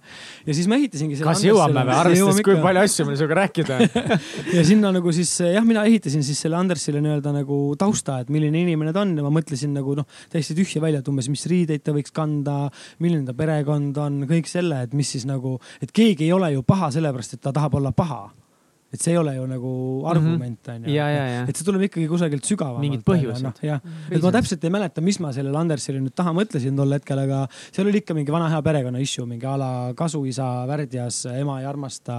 noh, sihuke noh, sai mhm. kutsikana varjupaigas vastu pead efekt, et, et ei olnud nagu, ei ole kodus armastatud, ei saa kodus tähelepanu, siis ta tuleb kooli ja tahab nagu tähelepanu vajadus ja noh, Anders ei olnud ju suur poiss, ta oli ju väike, lihtsalt suure suuga. ta ja... oli nii palju suurem kui mina, nii et ühesõnaga on suure suuga poiss ja, et see ja see analüüsimine käib nagu kogu aeg. okei okay., kus me nüüd sinuga liigume, ma olen nagu mõnikord mul on, kui külaline on siin, siis ma Nii. nagu tean täpselt, ma tahan sinna minna, aga nüüd ma tahaks nagu minna sinna produktsioonimaailmasse nagu selle no fuck up idest no, aga samas nagu mõtlen, et nagu mis värk selle Andersiga oli mis värk selle, räägime selle Andersi ära, see on, see on tunduvalt huvitavam kui produktsiooni fuck up'id, fuck up'id, sest et noh, need noh, kui ma hakkan sulle rääkima sellest, kuidas eh, Premiere crash ib keset edimist ja sa ei ole Ctrl S-i teinud, siis nagu noh, see ei ole. iga päev juhtub neid seal niimoodi. no midagi ikka nagu alati juhtub ja eh, no võib-olla kõige hullemad asjad on jah, kustutad mingid failid ära ja need on võib-olla kõige retsimad, aga aga Andersiga oli jah niimoodi, et äh, siis see teine laager sai meil läbi, kus me lugesime neid stsenaariume ja ehitasime neid karaktereid ja tegime isegi, proovisime mingeid nagu stseene juba mängida ja mingid asjad.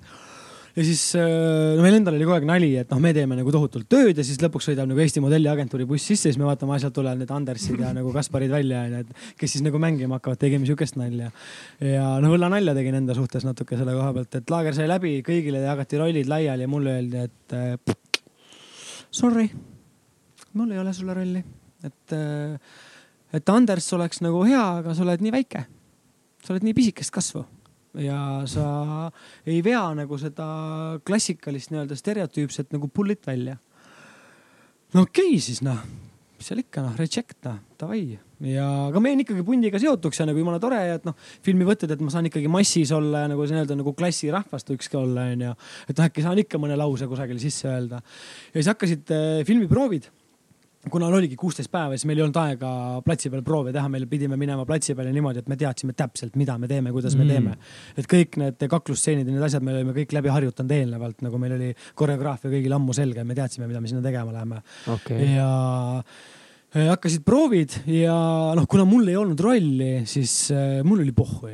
Aga noh, kutsuti ikka, et noh, tule nagu punti onju, mul nagu vastutust ju ei olnud onju ja noh, nädalavahetusel olid proovid ja kuradi reede õhtu ja kuradi linna peale näpud püsti ja kuradi peole ja tõmbasin nagu normaalse mingi litaka maha niimoodi, et mingi noh, kuue-seitsme paiku ikka koju ja üheksast siis proovi ja jõudsin kohale ja noh, nii surnud, noh, nii halb olla lihtsalt, aga mulle paluti nagu umbes, et noh, et mängi Andersit, vaata, et noh, kuna seda Andersi tegelast veel ei olnud, et Ilmar ja nagu terve Eesti otsis seda õiget Andersit onju, et siis mängi Andersit, et noh, et nagu noh, partner ikkagi vaata, et noh, tead ju karakterit, tead story't, et ei ole vaja nagu mingit noh, tee keha ühesõnaga mm. -hmm ja siis äh, ma olin seal kuradi laudade all magasin ja kuradi korisesin ja jõin vett ja no mingi sihuke peoriietega tol ajal võis klubis suitsuda ja haisesin nagu tõhk, eks ole, mingi rõve. ja siis äh, üks hetk nagu peksti mind üles, et kuule, Lauri, et nüüd oleks vaja nagu veits Andersit teha, et äh, tule nüüd nagu tegema, onju. ma olin mingi davai, noh, hakkame tegema, onju. ja siis ma, kui ma sealt nagu püsti tõusin, siis mul käis nagu sihuke korraks nagu sihuke uitmõte läbi, et see on minu võimalus ka ju samas ju see on nagu minu võimalus nagu.. et Andersit ju ei ole. ja mina pean Andersit mängima, samas see on nagu minu võimalus, aga nii sitt on olla lihtsalt no, ma ei jaksa, nii sitt on olla, sest no nii täis olen alles onju. aga siis ma olin nagu mingi sihuke mingi davai, et noh, get the shit together, proovime, no paneme, paugutame. ja noh, mingid stseenid, asjad nagu tegin seal onju ja sihuke noh, mul, mul hiljem terve elu on öeldud seda, et ma olen ühe duubli mees, et äh, esimese duubliga. One shot wonder. jah, one shot wonder, ühe duubliga purgis ja lähme edasi, ei ole rohkem vaja mitte midagi teha ja võtsin jälle kokku ennast, mingi davai teeme ära, panin jälle mingid stseenid ära onju, just nagu noh, oligi, mis nagu hiljem olen mõelnud, analüüsinud ise, et nagu mis võib-olla impressis oligi nagu see, et see emotsioonivahe, et kui oli stopp noh, kutt kukkus ära kokku, täiesti nurka magama kohe nii läbi ja kui oli valmis võte ja siis see nagu põlemine, mis sisse tuli, onju. ja improviseerisin tohutult palju ja ropendasin tohutult palju ja nagu sihuke Ilmar oli, et mingi täitsa lõpp, et ma ei ole mitte kunagi kuulnud, et üks inimene suudab nii pingevabalt ropendada. et see ei tule nagu mitte mingit pingutust ei vaja see, et nagu roppu sul laduda lihtsalt kedagi sõimata, et nii pingevabalt ja proovid said läbi laupäeval onju küsiti, et noh, et tule homme ka, et jube äge oli ja kuradi jube pulli sai ja värki. Läksin järgmine päev uuesti siis annab noh, sitt olla ei olnud siis oli normaalne olla, aga noh, paugutasin ikkagi samamoodi nagu samal nagu vibe'il edasi nagu kuidagi arendasin seda karakterit kuidagi nagu õelamaks või nagu siuksemaks, et muidu ma olin niukest nagu, siukest nagu massiivset võimast mänginud, aga siis ma hakkasin rohkem nagu õelamat tegema. ja siis peale teist päeva tõmmati mind siis rajalt maha ja öeldi, et kuule, et kurat, ma ei tea, et nagu have Andersi äär, et nagu, et kas sa oled nõus tegema seda rolli ei, sa ei, ei no ei, ma lasin ikka mo nagu moosida ennast ikka, ei, ei muidugi ma olin kohe, no plaksutasin kõrvade ja jalgade ja kätega ja hüppasin ja kargasin ja ma olin nagu mingi megateemas, et nagu ma sain punti nii-öelda tagasi onju. et see oli minu jaoks nagu väga-väga suur töövõit ja ma olin nagu väga-väga rahul sellega ja see oli üks, äh, kindlasti üks värvikamaid perioode oma elus, see projekt nimega Klass, et väga-väga äh, kihvt, väga tänuväärne projekt isegi. kindlalt wow. jah aga noh, muidugi tänu sellele nüüd eh, käivad iga kahe aasta tagant eh, poliiterakonnad mul ukse taga, et eh, kuule, et kas sa kandideerima ei taha tulla, et võta enda teemaks koolivägivald mm.. ja siis mul on alati nagu see, et see ei ole minu teema ma mängisin seal filmis, see ei ole minu hinge teema. et nagu see ei ole minu teema, ma võin tulla ajama mingeid teisi asju, aga neid asju nagu te ei ole nõus isegi lauale võtma, nii et ma ei hakka üldse nagu ronimagi, et nagu pole pointi mm. -hmm kas sind häirib ka, et sind nii palju seostatakse ikka veel selle klassiga, kas sa tunned, et sa tahaks kuidagi, et ei, ma olen ju kõike muud ka kui see klassi vend? vot see, see on paratamatus. Mm.. sa pead leppima sellega, see või no mis leppima nagu, ega tegelikult nagu ei ole ju halb, kui sind mäletatakse nagu sellise nagu nii-öelda groundbreaking filmi no, järgi nagu klass, eks ole, et et noh, ma ei tea väga paljusid inimesi, kes tahavad kaks korda klassifilmi vaadata, et nagu neid inimesi on väga vähe, et kui see nagu, kui sa oled teinud nii mõjusa filmi, sa oled osalenud nii mõjusas filmis, et siis äh, selle üle saab ainult nagu uhkust tunda ja, ja noh, ma arvan, et ega sisimas võib-olla ütleme jah, et nagu Aarne Laanemets, eks ole, et mingi Toots, Toots, Toots, Toots onju, et noh, võib-olla ta ka oli nagu arrogant, et ma ei taha Toots olla, aga sisimas tegelikult sa tunned ikkagi, et nagu jah, see on minu Toots onju.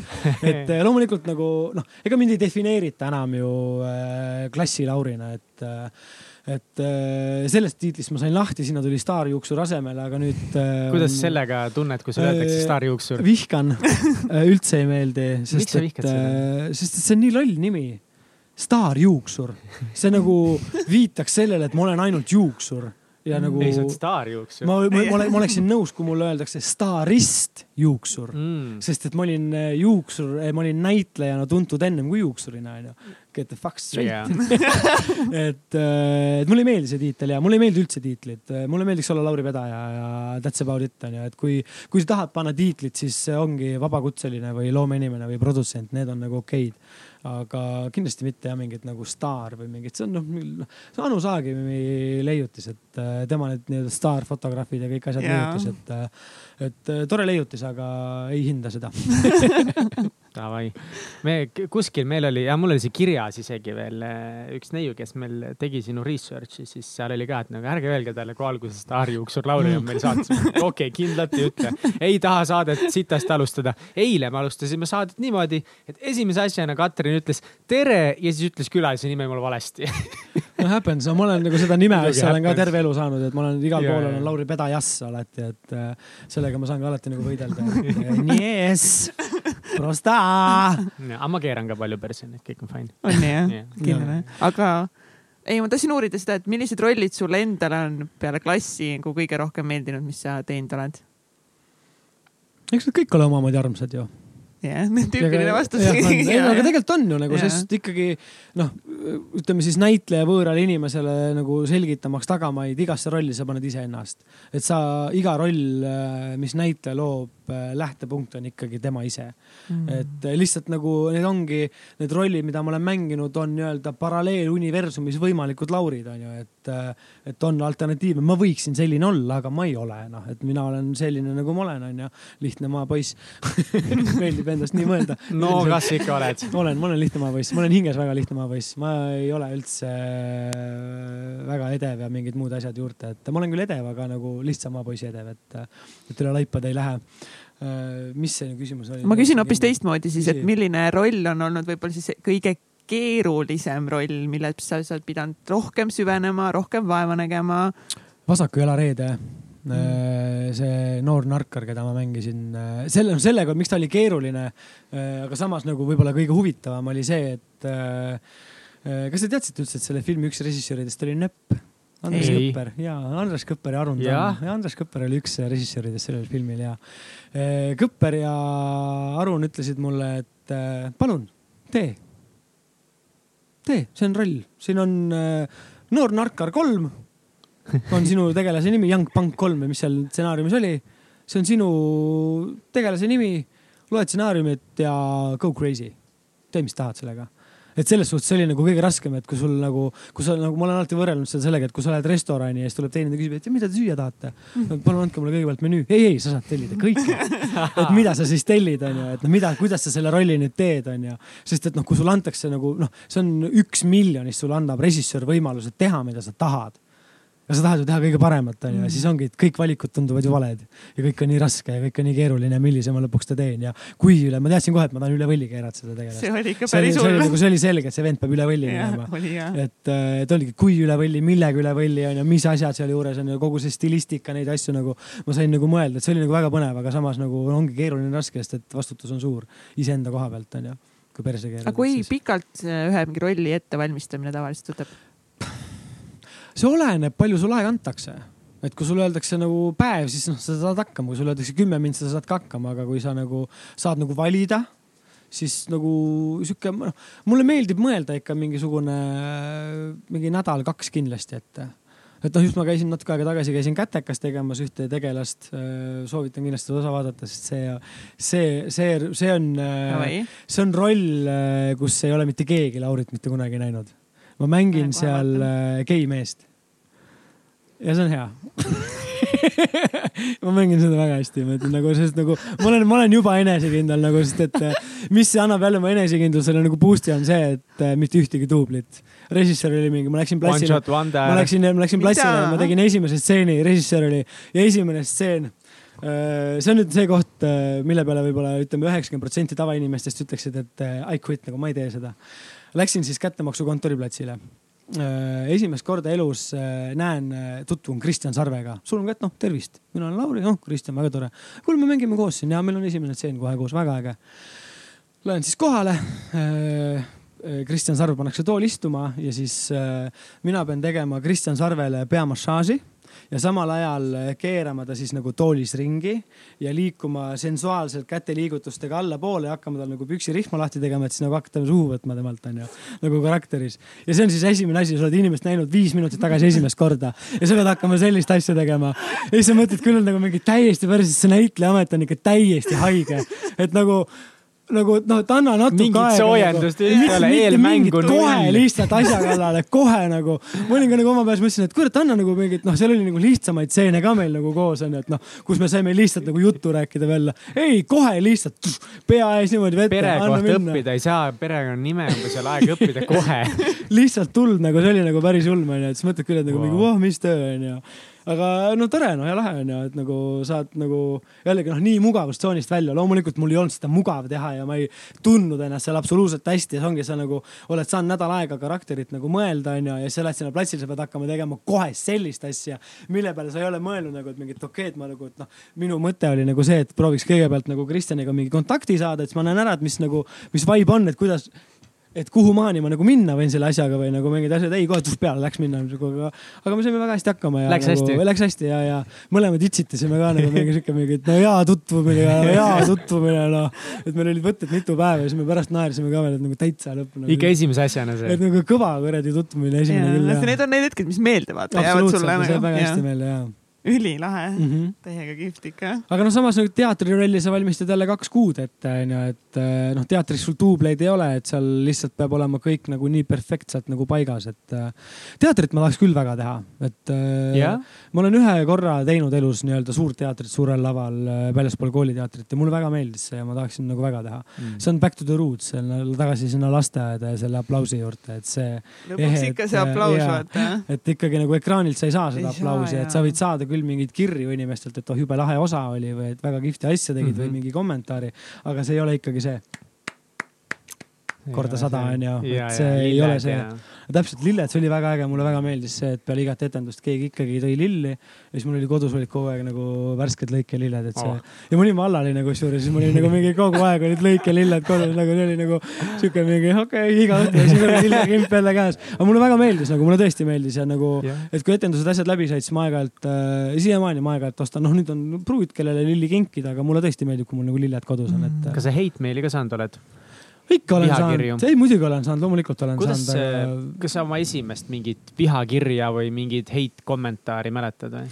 no ilmselt need olid ikkagi need hate kommentaarid ja asjad äh, pigem olid kusagil äh, veebiportaalides ja mingi uudisteportaalides ja asjad, aga ega nimi, ma ei mäleta nii spetsiifiliselt neid asju. aga see alguses mõjutas sind? muidugi väga hinge, loomulikult väga-väga hinge räägi sellest. No sa ikka loed ja kui sa nagu ikkagi sind nagu sõimatakse nagu alusetult ja, ja nagu sa saad lihtsalt nagu paremalt-vasakult lihtsalt selle eest, et su käest on küsitud kolm küsimust, sa oled ausalt vastanud neile ja sa saad neile lihtsalt sõimata, et ma ei käinud kuradi pakkumas kellelegi seda kolme vastust onju. et need asjad ikka nagu kuidagi nagu äh, tegid nagu haiget, kui nagu sa võid öelda, kommenteeri mu vastuseid või mingeid asju, aga nagu mida selle kolme asja all silmas pead ei, see on mingi täiesti suvaline näide Aa, okei, see ei okei. ole nagu Yeah. mingi konkreetne näide okay,, vaid okei, noh, see on lihtsalt noh, Eesti ajakirjanikud ju ei suuda ju küsida üle kolme küsimuse, Yeah, et yeah, yeah. muidu noh, läheb artikkel liiga pikaks ja keegi ei loe, vaata, et et mulle meeldibki nagu see formaat nagu väga, et ongi nagu pikalt inimesega saad rääkida, põhjalikult saad ta käest Mm, teada, mitte mhm. nagu kaabime pinna pealt mingi sära ära ja viskame ta nurka ja läheb minema, clickbait olemas onju. Mm. et üks Youtube'i asi, mida ma olen ka mõelnud teha, on äh, pikem jutusaade inimestega, et sa lähedki mm. -hmm. nagu süvitsi, aga lihtsalt analoogne asi nagu teil, aga paneme pildi veel juurde onju, teeme mingi Just. stuudio sinna juurde onju. et äh, et ikka läks hinge ja kuidagi nagu oli nagu valus ja nagu noh, ikka kui sulle, kui sulle ikkagi öeldakse sitasti, siis nagu noh, sa võid olla nii kõva vend, kui sa tahad, aga ikkagi sa nagu südames tunned, et nagu väike Dorian Gray portree peale väike kriips tuli jälle juurde onju.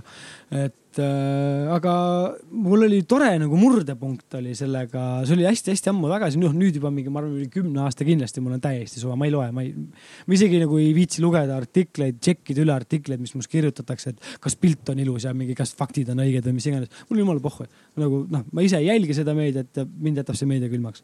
aga situatsioon oli selline, et jälle oli must ilmunud mingisugune a la mingi kroonika, mingi kaanekas asi ja hullult sain jälle peksa igal pool. pede ja kuradi lollakas ja kes ta üldse enda arust on ja mingi andetu ja vaadake, niisugune ta välja näeb ja no mingi, aa ta kuradi pere on ka värdjad ja mingi tean küll kõigile võlgu ja no mingi, mingi siukest sitta lihtsalt nagu inimesed fabritseerivad mingit paska. ja siis on hästi tore, et mingid inimesed kirjutavad nagu Lauri Pedaja nime alt nagu kommentaare vastu välja, no siis see läheb nagu andmiseks. see on thing ja, päri-, ja kommenteeritakse niimoodi nagu siis aga nagu. muidugi see on nii lihtne Mhm. aga ma ei ole mõelnud selle peale, ma ei ole mõelnud selle peale. võta suvaline artikkel lahti, kirjuta Karl-Erik Taukar ja kuradi hakka ta kommenteerima nii-öelda tema nime alt onju. ja mõned jobud usuvad ju seda. absoluutselt ja, ja see nagu see on nagu täitsa nagu teema. Ja siis äh, läksin oma sellest kommentaariumist välja ja vaatasin, et Koit Toomest oli mingi artikkel ja võtsin nagu artikli lahti, lugesin artiklit, jumala normaalne artikkel ja võtsin kommentaarid ette, täpselt samad nagu mul mis, mis copy paste imas keegi käinud või? nagu täpselt sama vitsaga said kõik. ja siis võtsin veel mingi jumala lambi, mingi poliitikute oma, kõik sama sport, kõik sama. siis ma sain aru, aa, see on sama punt inimesi, kes Jaa, kõik käib kõigile samamoodi lahmimas. ehk siis see arvamus on null nagu. see on, ma võrdlesin seda äh, gümnaasiumi lõpukirjandus, et kui sa teed kaks korda koma vea, vaata, siis seda loetakse ühe vea alla, et nagu, et noh, korduv viga, las olla. see loll ei oska seda viga, vaata, ta ei jaga seda matsu. las ta olla, korduv viga. et panin samamoodi nagu lihtsalt taandasin ära, see on korduv viga, need on samad inimesed, las ta olla, et see arvamus ei loe. et siis ma kuidagi nagu sain nagu, nagu üle sellest nagu mingi, et what the fuck nagu, miks mind üldse nagu kotib, onju. et äh, ma üldse kusjuures olin imestunud, et te kutsusite mind, sest et ma olen nagu teadlikult tõmmanud ennast nagu täiesti tahaplaanile et ma olen nagu taandanud viimased pool aastat ennast nagu meelega võtnud ennast täiesti maha. et läinud vaikselt rahulikult kaamera taha, Instagramid, kõik asjad välja suretanud, kogu sotsiaalmeedia. et võtan lihtsalt. sa oled ikka hinges meil, ikka südames. aga tead, miks ma seda teen või? Miks ma tõmban ennast pildilt maha, eriti sotsiaalmeediast? sest et ma tahan, et inimesed hakkaksid mu käest küsima, et kuidas läheb, mis teed aa, et no kus kus sa kadunud oled? ei, mitte see, et kus sa kadunud oled, ei, vaid see, et äh, kui ma näen inimest, siis äh, ma saan talle rääkida, mida ma teinud olen, mitte Aa, ta ei okei, räägi mulle seda it., mitte ta ei räägi mulle seda, mis story sid ta näinud on, mis mm -hmm, ma teinud olen. -hmm. et mul oleks inimestega nagu rääkida. see on jumala true thing, sest mm -hmm. ma käisin ühel üritusel ja siis äh, since me oleme praegu sotsiaalmeedias nagu üliaktiivne ja nägin äh, äh, Liisat, seda äh, Tsintsinogat koos, kellega me tegime. ütleb nüüd mulle praegu niimoodi tuleb, Peedo, nii yeah., Liisa Peedot nägin, polnud üliammu näinud teda. siis ma olin mingi, tšau Liisa onju, et kuidas läheb värki-särki onju, veits räägime siis ta ütleb mulle vastu, et hakkab nagu küsima, kuidas mul läheb ja selle asemel ütleb hoopis, et aga ma tean küll, kuidas sul läheb, sul läheb, sul läheb täiega hästi, ma iga päev sotsiaalmeediast näen ja sinna me vestlust nägin, siis ma olin mingi jube kihvt on ju. täiega nagu, tegelikult mul ei lähe nii hästi, vaata. nagu tegelikult läheb nii, on nii nagu. see ongi, mina otsustasin äh, ja see impulss tuli tegelikult natukene Kettelist, mu pruudist, et äh, äh, Kettel on minust kõvasti noorem, ehk siis temal on juba need nagu moodsa maailma probleemid ka kallal, eks ole, mingid nagu ebakindlused ja mingid muud asjad, mis see, see maailm, kus mina kasvasin, seal neid asju ei olnud, onju. temal juba nagu on nagu need nii-öelda milleeniumi lapse probleemid nagu peale tulnud täitsa. ja kuigi ta ei ole nagu nii noor siis tema nagu üks hetk hakkas ütlema, et talle ei meeldi see, kuidas Instagram survestab teda. ja ma ei saanud nagu aru, et millest ta nagu räägib, et mis mõttes survestab. Siis ma hakkasin nagu mõtlema, et aga kurat, survestab ja ma ei ole juba nädal aega pilti pannud. mul sai see pilt nii vähe laiki, miks keegi ei kommenteeri, ma ei ole ammu mingit sponsordiili saanud, kogu aeg on mingi surve. ma ei tea, ma ei taha täna pilti teha, ma ei ole, ma ei ole parimate riietega. aga samas nagu oleks vaja. ja, ja tahad onju, tahad onju. ja siis ma hakkasin nagu mõtlema, mine kurat perse noh, mis asja, see fucking kuradi väike äpp nüüd kontrollib minu kuradi tujusid onju, minu mingi elukvaliteeti ja minu mõtteid, nalja teete või? No go nagu nii ei lähe ma tahan oma privaatsust tagasi, nagu ma tahan ennast hästi tunda. ja mõtlesingi, et ma võtan nagu tagasi, et ma ei, nagu ei postita, et postitan ainult siis, kui mul on tunne, et ma tõesti tahan postitada ja mul mm -hmm. ei ole seda tunnet tulnud päris nagu üle kuu aja. et ma olen teinud Jaa. nagu ütleme selle mingi valitsuse moodustamise pasa juures, ma olen nagu mingi meeme teinud, mis ma olen üles pannud, see on lihtsalt tore. mulle nagu meeldib nagu kottida ja nagu terav, teravustada ja mingi ajada nagu näidata oma vaatevinklist asju võib-olla et aga ja ma tunnen, et äh, minu jaoks on see Instagrami hullus ja see perfektne elu nagu läbi. et mina nüüd tahaksin näha see mitte Instagrami, vaid Lifestagram'i. ma tahaks päris inimesi näha, mida nad päriselt teevad ja kuidas nad päriselt No, see on hästi igav, see on hästi igav, päris elu on hästi igav. Instagrami elu tundub äge, päris elu on hästi igav. ei ole, ole tegelikult see, mis ole. meie siin te- tegelikult teeme, ongi täpselt see, et rääkida nagu päris asjadest ja päris elust, see ei ole tegelikult igav. ei ole, päris aga, see ei müü, vaata, see ongi jah. nagu see, et noh, nagu. No see ei ole see ilus perse pilt. Võtab võtab püksid Jaa. jalast ära ja laiki lendab, onju, inimesed vaatavad. ei muidugi. et ma ei ole nõus enam selles nagu ringis osalema või selles nagu karussellis osalema, et äh, ma olen täiega siin dilemma ees, seepärast et äh, nagu ma saan aru täpselt, mida sa räägid Ma ja ma tunnen seda kasvavat survet, sest me alles ehitame oma brändi ülesse mm. -hmm. ja ma tunnen kuidagi, et noh, mu brändile aitab kaasa täitsa pekkis, brändile aitab kaasa ka see, et kui mul endal Instagram, kui ma Mhm, jagan seal absoluutselt ja nüüd mul on juba rohkem follower'e, sellepärast et me teeme seda ja ma saan Mhm. rohkem likee mm. -hmm. Ja ma saan mingit fucking nagu ah,. jaa, mamma nad tuleb, mamma nad tuleb. andke mulle. loomulikult see on hea tunne ju. mingi pani iga südameid. iga uus laigi rekord on ju see, et ma olen ju täna parem, kui ma olin eile onju. ja ma ei tea, mida teha, sest ühtepidi ma fucking naudin seda, teistpidi ma tunnen mingit hirmu aga selle taha, ma ees, ütlen et ma lähen sinna auku praegu. ma olen äh, käinud ise, no ütleme, ma olen alustanud Instagrami nullist, ma olen käinud ära tipus, ma olen teinud ära kõik need sponsordiilid, kõik mingi selle suhteelu kajastamise, single boy kajastamise, kogu selle nagu nii-öelda Instagrami trendid ma olen ära teinud. ja ma võin sulle oma kogemuse pealt öelda, samamoodi see brändi ehitamine, kõik asi, võta seda kui mängu. see on mäng, see ei ole elu, see on mäng see on nagu see, kui sa lähed äh, kuttidega jalkat mängima, seal on omad reeglid, sul on hea meel, kui sa lööd värava, kui sa annad hea söödu, täkkeli teed. sa saad sealt seda rahulolu. see Instagram ja kogu see brändi ehitamine, samamoodi mäng. sotsiaalne meedia on mäng. See on nagu maailma suhtumise küsimus, me võime minna siin nagu väga tiibiks sellega ja rääkida sellest, et mis mina arvan, mis maailmas me elame ja mis siin nagu meie ümber nagu toimub, et. et see kõik noh, meie elu on ka mäng, noh, see, me ei ole siin nagu maailmas üksi ja nagu noh, mina olengi täiesti veendunud selles, et me oleme lihtsalt üks nagu nii-öelda ülihästi edasi arendatud äh, The Sims. The Sims kuuskümmend viis umbes või mingi sihuke asi, et Mhm. mm, -hmm. et me ei ole kindlasti mingit kosmost siin ei ole olemas ja kogu seda möllu. ma. me oleme simulatsioon lihtsalt. et me oleme üks suur simulatsioon. ja, no ma mängin ise praegu, sattusin äh, tohutu ajarööbel PUBG-d mängima, siukest äh, virtuaalmängu. ja see on juba päris reaalne ja ma just natuke aega tagasi mängisin Playstationi peal läbi Red Dead Redemption, mis on samamoodi nii reaalne. ülireaalseks. ülireaalsed asjad ja siis sa mõtled nagu seda, et äh, ilmselgelt meist on olemas targemad isendid ja olendid kusagil. et mm. -hmm. nagu see, mis nagu me olemegi ilmselt loodud mingi simulatsiooni, me tundume enda lihtsatena, aga tegelikult ma olen veits lugenud neid simulatsioonis teooriaid, et tegelikult seal on nagu nii palju ülipõnevaid case'e küll, mis mängivad sense, see Simsi näide on kõige parem. me oleme täna loonud arvutisse mängu Sims mm. -hmm. Tegelased teevad seda, mis me ütleme mm. Mhm. -hmm. aga nüüd teeme veel parema mängu. ja vahepeal nad teevad ju mingeid asju või ise Jaa, oma peaga ka. nii, aga aastal kaks tuhat kolmkümmend näiteks tuleb välja mingi Sims versioon sada, kus juba tehisintellekt teeb veel, veel rohkem mm -hmm. Mhm. asju ära. aastal mingi kolm tuhat äkki tuleb välja mingi Sims osa viissada, mis näeb välja nagu täpselt nagu päriselu. Kõike parem. mõtlevad seal ise onju, no see on siuke näide onju. Et me saame ise mängida maad, onju. et et mängime Planet Earthi. äkki meie olemegi see Sims nagu jah? aga olemegi, me olemegi, mina olen täiesti ma ei ole kindel sellest selles. täiesti veendunud, aga ma, jumalasse usud? ma res-, ei okei. aga ma respektin seda See teooriat täiega, sest see on sitaks cool teooria. on, on, see on samamoodi nagu sellel nagu, ma ei ole, ma ei ütle, et lameda maa teooria nagu peab nagu paika mm. ja see on õige, aga seal on äh, väga palju pointe, mis tekitavad minus kahtlusi.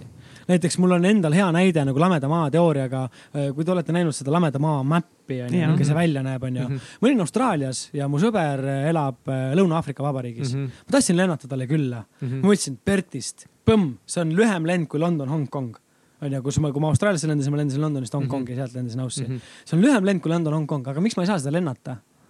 miks ma pean lendama kas Araabiasse või Indiasse ja sealt Aafrikasse? Ma ei tea. ja kui sa võtad lame, ja kui sa, ei, kui sa võtad lameda maa kaardi. lahti, siis sa näed, et see ongi tegelikult otsetee. et noh, mingid siuksed asjad tekivad, onju, või kui sa no, aga oled. need on mingid mega väiksed detailid, mida mingi geograaf sulle seletaks kohe ära. või jaa, mingi lennufirma absoluutselt ja mis on, mega aga, aga teine on jällegi oma silm onju, et kui sa oled äh, Marbellas ja sa näed Aafrikat oma silmaga onju, siis sa mõtled küll, et kuradi perse see nüüd on onju, et ma ei tohiks sealt nagu midagi näha. Et sa võid rääkida, et peegeldab ja mingid värgid-särgid, aga, Aga no seal ongi. tekivad omad mingid kahtlused onju.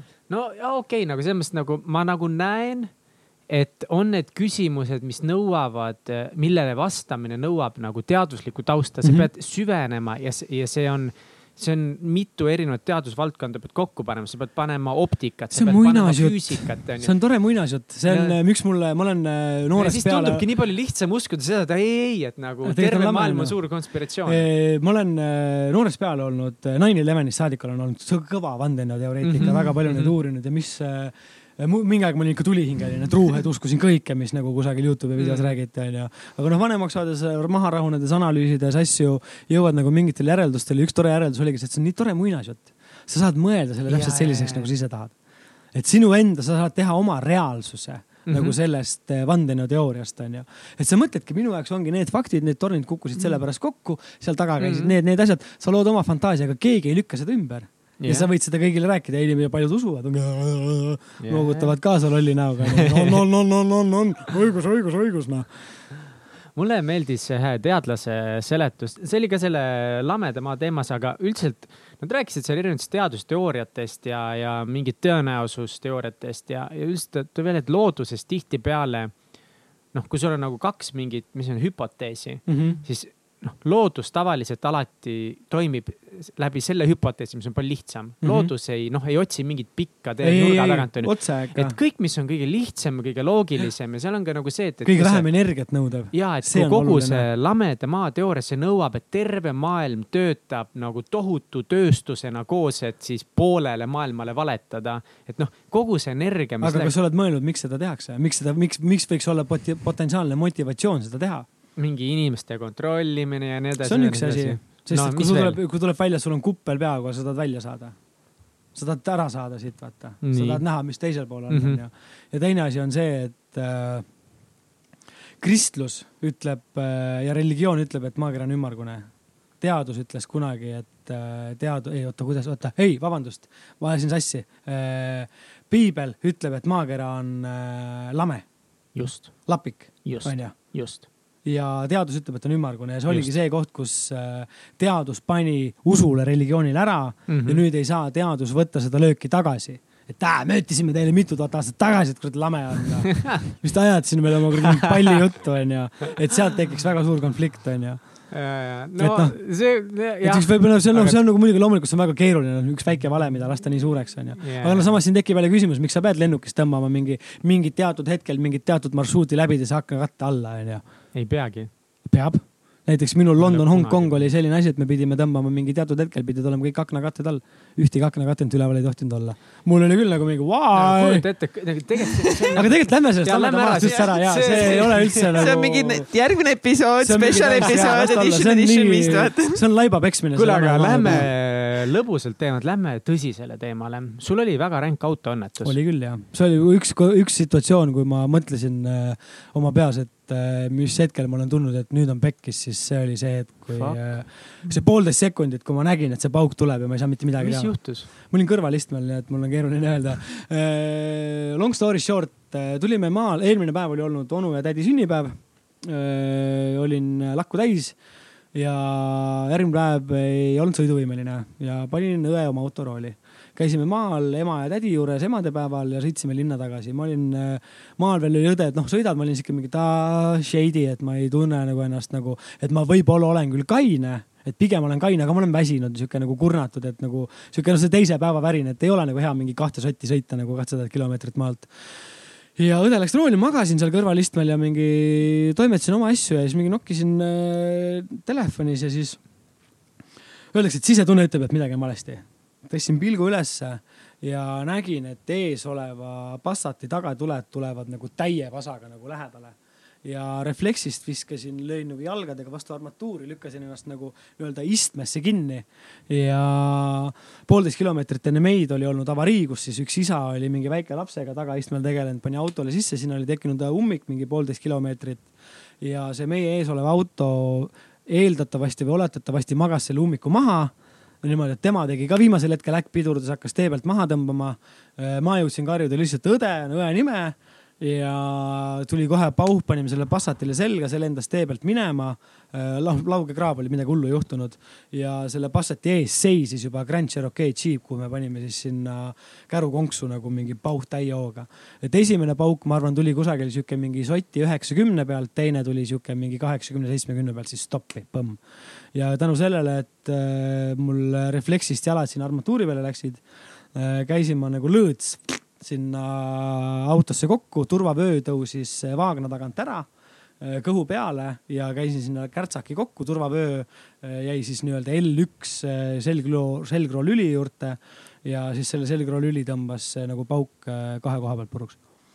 ja no esimese ja vasaku jalaga lõin esiklaasi puruks ja mingid asjad, et seal ja no korraks läks pilt eest ära ja, ja see hetk see turvavöö tõmbas nagu nii kõvasti, et äh, kogu hapnik oli kehast läinud, et kui mul pilt ette tuli, see oli see nagu see hapniku sissehingamine nagu ja siis oli kohe no,, auto oli kõik oli tolmu, noh kõik kogu tolm, mis kuradi istmetes oli, see oli kõik autos laiali, no õhkpadjad põmm lahti, ninas kuradi verd jooksis, ilmselt sain selle õhkpadjaga näkku vaatasin korraks kõrvale, mingi õde oli mingi sihuke nagu roolist hoidis kinni nagu täitsa ära friisinud, siis ma olin mingi Birgit välja, välja, välja, välja, välja onju. et noh, ma ei teadnud, noh kõik tossas, ma mõtlesin, kurat läheb põlema, mis iganes. tegin plõks kõrvalistuja ukse lahti ja viskasin siis nagu jala autost välja, hakkasin jala peale tõusma. ja nii kui nagu jala peale nagu toetasin pooleldi, kukkusin pläraki sinna auto juurde kuradi kärts kokku maha ja mul oli nii hirm, et nagu tagant või kusagilt tulevad mingid autod, vaata tänu meie sellele paugule, tekib mingi segadus, siis ma kraapisin ennast sealt kuradi küünte ja hammastega sealt tee äärest nagu kraavi ära. ja noh, tagant autost hüppas kohe tüüp välja, mingi mis toimub, mis toimub, mingi kiirabi, kiirabi, kiirabi ja siis ma tundsin, no mine perse see selg noh et mul on selg terve elu olnud sihuke, et ma olen teda ära tõmmanud ja ma tegelesin noorena klassikalise tõstmisega. üks Anne, mida te ka ei tea, ma olen olnud nooruses väga kõva tõstja. ei teadnud. jep. Ja siis äh, tundsin, et noh, seljal on ikka no nii valus, et noh, et on nii kuradi valus, et nagu no ei ole võimalik olla nagu mitte kuidagi. kõike halvav valu. olete kuulnud seda väljendit, mina tean sellele nüüd ka tähendust, muidu ma ei tea. ma ei kujuta ette seda. sul noh, küsitakse su käest, mis su nimi on, siis sul on ainult nagu see, et äh, noh, sa ei suuda kontakti luua, sa suudad äh, äh, äh, äh, niimoodi olla, sul on lihtsalt ainuke mõte on see, et mul on valus ja ma ei taha. Ma ei taha, et mul on valus, tehke midagi, et mul valus ei ole, sa proovid leida asendeid, kõiki asju, et sul ei oleks valus. see oli nagu väga rõve, noh tulid kiirabid, asjad lükati kuradi valuvaigistit täis. kiirabiautos läksin kiirabiarstiga tülli, viskasin teda kuradi kaelalahasega. miks sa tülli läksid temaga? ja, sest et mulle pandi peale kaelalahas, mis oli mulle suur ehk siis see nagu kaelavahe oli liiga pikk ja nagu noh, kui keegi tuleb sul selja tagant ja tõstab sind kaelast ülesse ja sul on selgroog murtud, siis see ei ole väga mugav tunne. ja see poos ja ta ei lasknud mul hingata, siis ma olin mingi, ma ei saa olla, mul on ebamugav sellega. ja siis arst oli ei, ei, see peab peal olema, see peab peal olema, siis mul ei ole kaelal midagi viga, ma tunnen, et mul on kael okei okay,, mul on kõik hästi, vaata. ei, ei, see peab peal olema, siis ma ei saa normaalselt hingata, võtke ära, ei võta. siis lükkasin ise käe selja taha, tõmbasin selle lahti, viskasin selle sinna nurka, siis põrkas talle sealt auto nagu seinast pihta. ja siis ta oli mingi okei okay,, I m out of here, läks ette ära, see arst, siis jäin mingi meesterahvaga, kes seal oli, siis see oli nagu normaalne inimene, et äh, tema nagu sai aru, et jah, et tõesti oli ebamugav ta ütles mingi, et tüüp oli mingi, et aga kui me haiglasse jõuame, siis paneme tagasi, et see peab peal olema, et see on meil nõue, et ma olin mingi all good. jaa, aga räägime nagu rahulikult nendest asjadest nagu. ja noh, siis tehti pildid, asjad ja hommikul tuli arst. sa olid nagu äh,, siis kui sa said need, said valuvaigist sisse ära, et siis tõmbas normaalseks? ei, ei, ei, see on ikka selline valu, et see on nagu hambavalu, noh, ta tuimestab, aga sa ikkagi valutad, onju mm.. et see on nagu noh see on selgroog, seal on triljonid närvid, noh, seal äh, seljaaju on kohe kõrval, et see on ikka, no ma läksin halliks, ma ei tee nalja, kui ma ütlen, et ma läksin selle valu ja selle stressi ja selle paugu peale, ma läksin halliks. mul on praegu habe pikemaks kasvanud, siin on hall tutt onju mm, -hmm. seda avarii hommikul ei olnud, õhtul oli. et juuksed samamoodi, noh, igale poole nagu, kus on keha peal karvad, mul tuli kohe tulid hallid karvad nagu sisse, igale poole. siit mingi tukanurk on täiesti hall, ma läksin üleöö põmm selle asja peale halliks, et see on ikka räme ja mis oli nagu hästi tore, kui nüüd natuke lõbusamaid asju rääkida, siis äh, selle avariiga seoses olen siis nagu esimene öö haiglas on ju, mitte midagi keegi ei räägi, kuna nagu kirurg ei olnud kohal on ju, pühapäeval juhtus see. et hommikul tuleb arst, siis saame teada. ja mul mingi räme kusehäda, no nagu rets kusehäda, no ja no kuradi, no, no ei saa, vaata juua ei tohtinud midagi ka, nagu no räme kusehäda on ju, lasen kuradi, tiristan nuppu, et mul on pissihäda enne mulle öeldi, et ära jalgu väga liiguta öösel, et võib-olla hommikul ei liigu et katsu nagu jalgu paigal hoida, kui sa magad, onju. ja siis äh, öösel räme kusehäda onju, siis tuleb nagu arst onju, siis ma olen siuke, mul on pisshäda, et nagu siibrit või mingit asja onju. ja siis äh, toob mulle siibri onju, proovin siis nagu külili olles nagu pissida onju, no ei tule, no ei saa hakkama onju. siis äh, proovin äh,, istun nagu tooli peale, proovin pissida, ei tule välja onju, lavakramp ka kuradi, põetaja vaip kõrval onju. Endal till pius, mingi plekkauks käes onju, üritad pissida ja siis ei tule välja, siis ma olin mingi siuke, et mingi, et ma pean püsti tõusma, et mul ei tule nagu istukile, et põis on kortsus, ei tule välja, vaata onju, kas ma tohin tõusta? ja, ja, ja tõuse, tõuse, pole probleemi onju. ma mingi, mulle just kaks tundi tagasi öeldi, et ma võin jalutuks jääda, kui ma kuradi jalgu liigun, ei ole hullu onju. tõusin püsti, proovin pissida, ei tule mitte midagi onju. ja siis vaatan niimoodi, et noh, käega vastu seina siuke vihaselt onju, hoiad oma kuradi seda plekkausti ise all onju. siis vaatad kõrval on sul see arst onju, vahib suurte silmadega, no tuleb ka või ei tule või?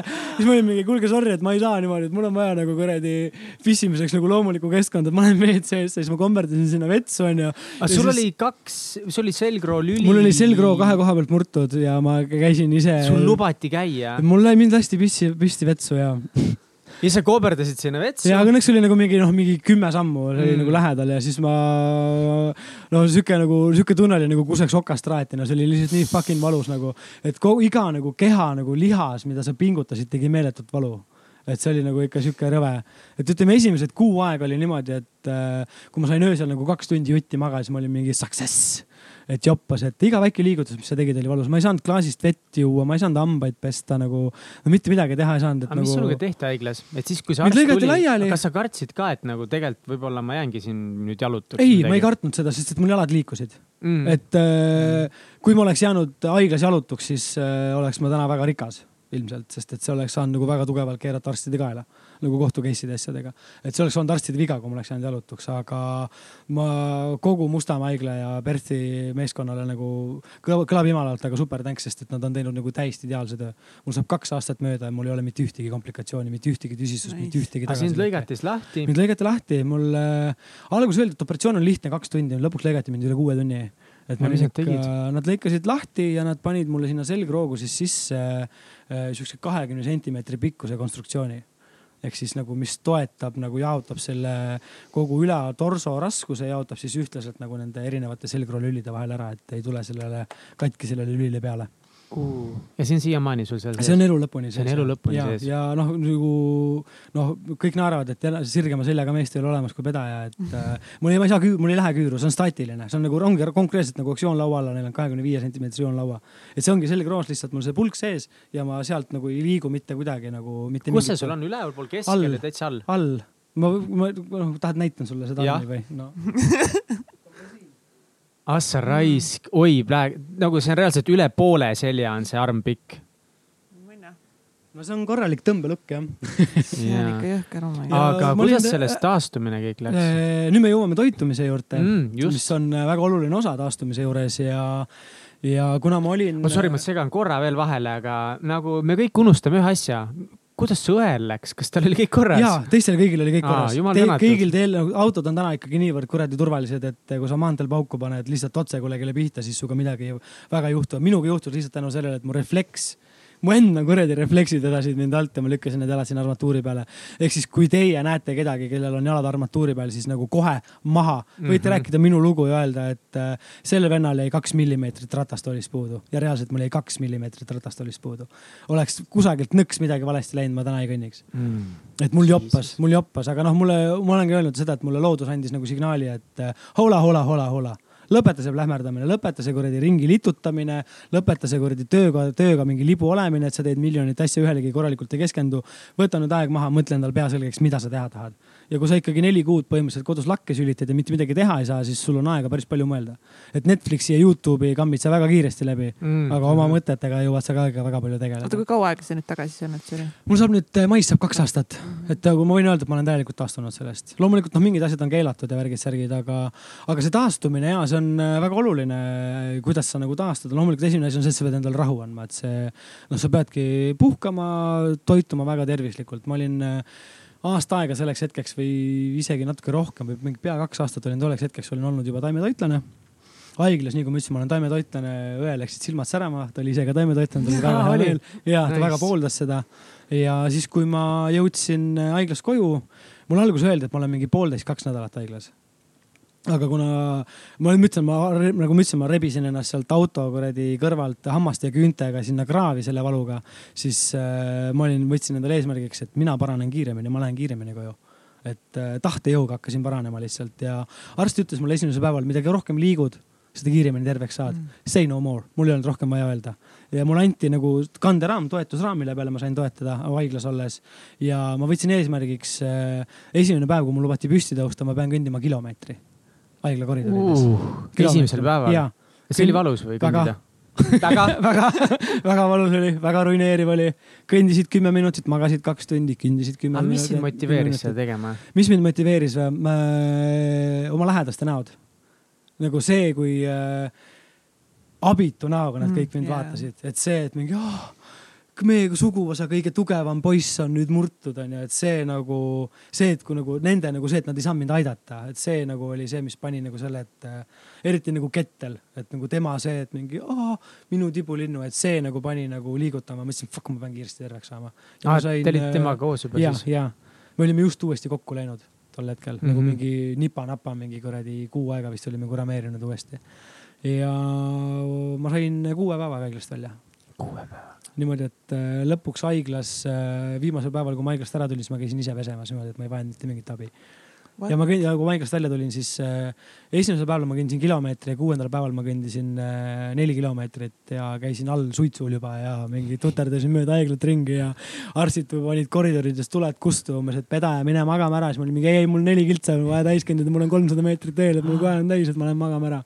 ja nii kui koju sain, ma hakkasin ka kohe jalutama ja toimetama ja tegema ja, ja toitumine, ma tõmbasin full veganiks äh, kaheks kuuks, täiesti full veganiks ja reaalselt nagu, kui õhtul magama läksin, siis ma võisin kuulata, kui ma hästi hoolega kuulasin, siis ma kuulsin, kuidas mul rakud lihtsalt nagu tervenesid ja nagu kuidas ma tugevamaks sain. aga mis see peamine põhjus oligi just veganiks minemine, et see, et, et sa lugesid lihtsalt, sa aitasid paremini taastuda või sul oli vaja kuidagi kergemini süüa? saate, seal on, kui sa toitud lihast ja muudest rasketest asjadest, siis kogu nagu väga palju energiat läheb toidu seedimisele Just. ja võimalik ja sealt, seal selle arvelt jääb vähem energiat sul organismil taastumisele. ehk siis mul oli vaja süüa võimalik, nii-öelda supertoite, võimalikult kerget, aga võimalikult suure nagu toiteväärtusega ja vegan toitlumine on lihtsalt selline, et kui sa söödki rohelist otse, on ju, ongi see, et inimesed räägivad, ma söön liha sellepärast, et ma tahan proteiini saada. aga see siga või kes iganes sööb sul seda salatit, mida vegan sööb et see proteiin endale sisse saada ja siis sa sööd seda liha. ehk siis sa sööd juba töödeldud proteiini, mis on mõttetu. et äh, tegin sellise lükke ja taastusin väga kiiresti. ja noh, nüüd see on nagu sihuke shady mingi umbes, et äh, kui ma nüüd seda räägin, võib-olla mul on politsei ukse taga, onju. aga mind aitas taastumisel reaalselt äh, kanep mm. -hmm et see oli, need valuvaigistid, asjad, mis mulle kirjutati haiglast, olid sellised, et äh, ma reaalselt olin äh, krampides, mul olid minestushood, äh, need ei sobinud mulle absoluutselt, mul olid maokrambid, mul olid nagu kõhuprobleemid tekkisid nendest kõikidest tablettidest, asjadest, sest ma sõin ju valuvaigistid ja siis sõin veel mingeid tablette, mis peaksid valuvaigistite negatiivsed mõjud ära võtma, ehk siis ma ravisin tablette tablettidega juba.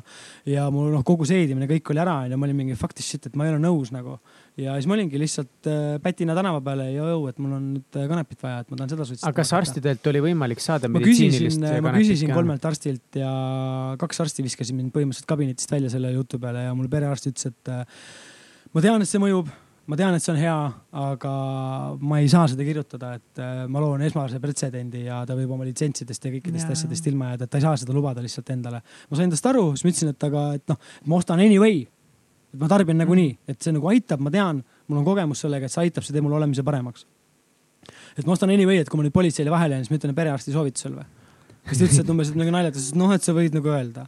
et, äh, et noh, et situatsioon ongi nagu selline, et reaalselt nagu medikamendid ei sobi ja kanep tegi mul paremaks, ta lõdvestas mul lihased ära. ma ei saa öelda, et ta mingi super valuvaigistus, et ta võtab valu ära, aga ta teeb selle talutavaks ta nagu kuidagi suunab su mõtte või ta tõmbab selle hertsi niimoodi sulle alla, et sa ei tunne seda valu nii intensiivselt. loomulikult on valus ja raske, aga see ei ole nagu häiriv. ta võtab selle häirivuse faktori ära, et see on nagu hästi oluline selle juures ja lõdvestab selle lihase. sest et mul täna reaalselt ju selgroog ei hoia mul hoiavad lihased seal ümber. Ja kui ma panen päev otsa, toimetan ringi, siis need lihased väsivad ära, nad tahavad lõdvestust saada ja seda nagu lihtsalt ma ei saa käia kogu aeg massaažis asjad ja see ongi lihtsalt kanep lõdvestab mul selle lihase ära ja ma saan normaalset elu elada. aga kust sa teadsid kõike seda nagu just ka toitumise poolt, et kas sa olid juba varem sellega kursis kokku puutunud, et need on need asjad, mida ma pean tegema selleks, et ma taastuks ja saaks nagu jalgadele kiiremini? Need asjad olid kuidagi varasemalt elus mu juurde juba tulnud, et noh, nagu ma ütlesin, ma olin juba taimetoitlane, ma teadsin ka nagu veganlusest loomulikult tänu sellele. mul oli ka elus ennem traumasid olnud Austraalias olles, no kained päeval nii-öelda kanepi mõistes ei mäletagi, et seal me suitsetasime nagu kogu kogu aeg. et seal on see jumala normaalne, seal sa nagu noh, seal nagu meie Eesti mehed joovad õlle, seal õhtul tüübid teevad tobi onju, teevad suitsu, et seal on see nagu väga casual. et noh, reaalselt tööl lõunapausil bossidega koos suitsetati kanepit, et see oli nagu tolereeritud seal. et ma teadsin, kuidas see mõjub, mida see teeb ja mis on selle nagu efekt minule ja mul ei ole kordagi olnud sellega seda, et ma hakkaksin hüsteeriliselt naerma või mingeid asju tegema, et äh, ma muutun ikka tiibiks, hakkan filosofeerima ja nagu hakkan ikkagi mõttetööd tegema nagu ikka nagu noh, Aristoteleseks ära ikka kivi peal istuma, et äh, mul muutuvad, juhtuvad nagu sellised asjad sellega et, et neli kuud üksi pluss kanepel ja, või noh, mitte neli kuud üksi, aga neli kuud kodus ja. oma mõtetega ja vaikselt toimetada ja noh, sealt ma tulingi nagu sellega, et nüüd produktsioon full on, et aitab sellest nii-öelda kahe asja peal nagu istumisest, siis ma hakkasingi tugevalt juuksurit tapma ja produktsiooni juurde ehitama endale. ja täna ma olen juba sealmaal, et eh, produktsioon on põhitöö ja juuksuritöö on äh, hobi, meelelahutus, hea sõpradega kokku saada, hea põhjus hängida. aga näitlemine? praegu ei tee midagi, kuigi kättemaksukontor helistas mulle, küsis, et kas ma oleksin huvitatud tegemast. loomulikult ma olen huvitatud tegemast, aga, aga praegu selliseid asju ei ole, et mul ma usun ka nagu sellesse nii-öelda nagu mõttejõudu mm -hmm. ja mu mõttejõud ei ole praegu sellele suunatud, et tahaks näitlejatööd teha, et mu mõttejõud on suunatud natukene teistele asjadele, et ma arvan, et ma pole veel avaldanud Äh, oma saatejuhi potentsiaali ja ma tahaksin üks hetk äh, selle ära teha, et ma tahaksin teha oma mingisuguse saate. no televisioonis jah? ma ei ole televisiooniga üldse sina peal.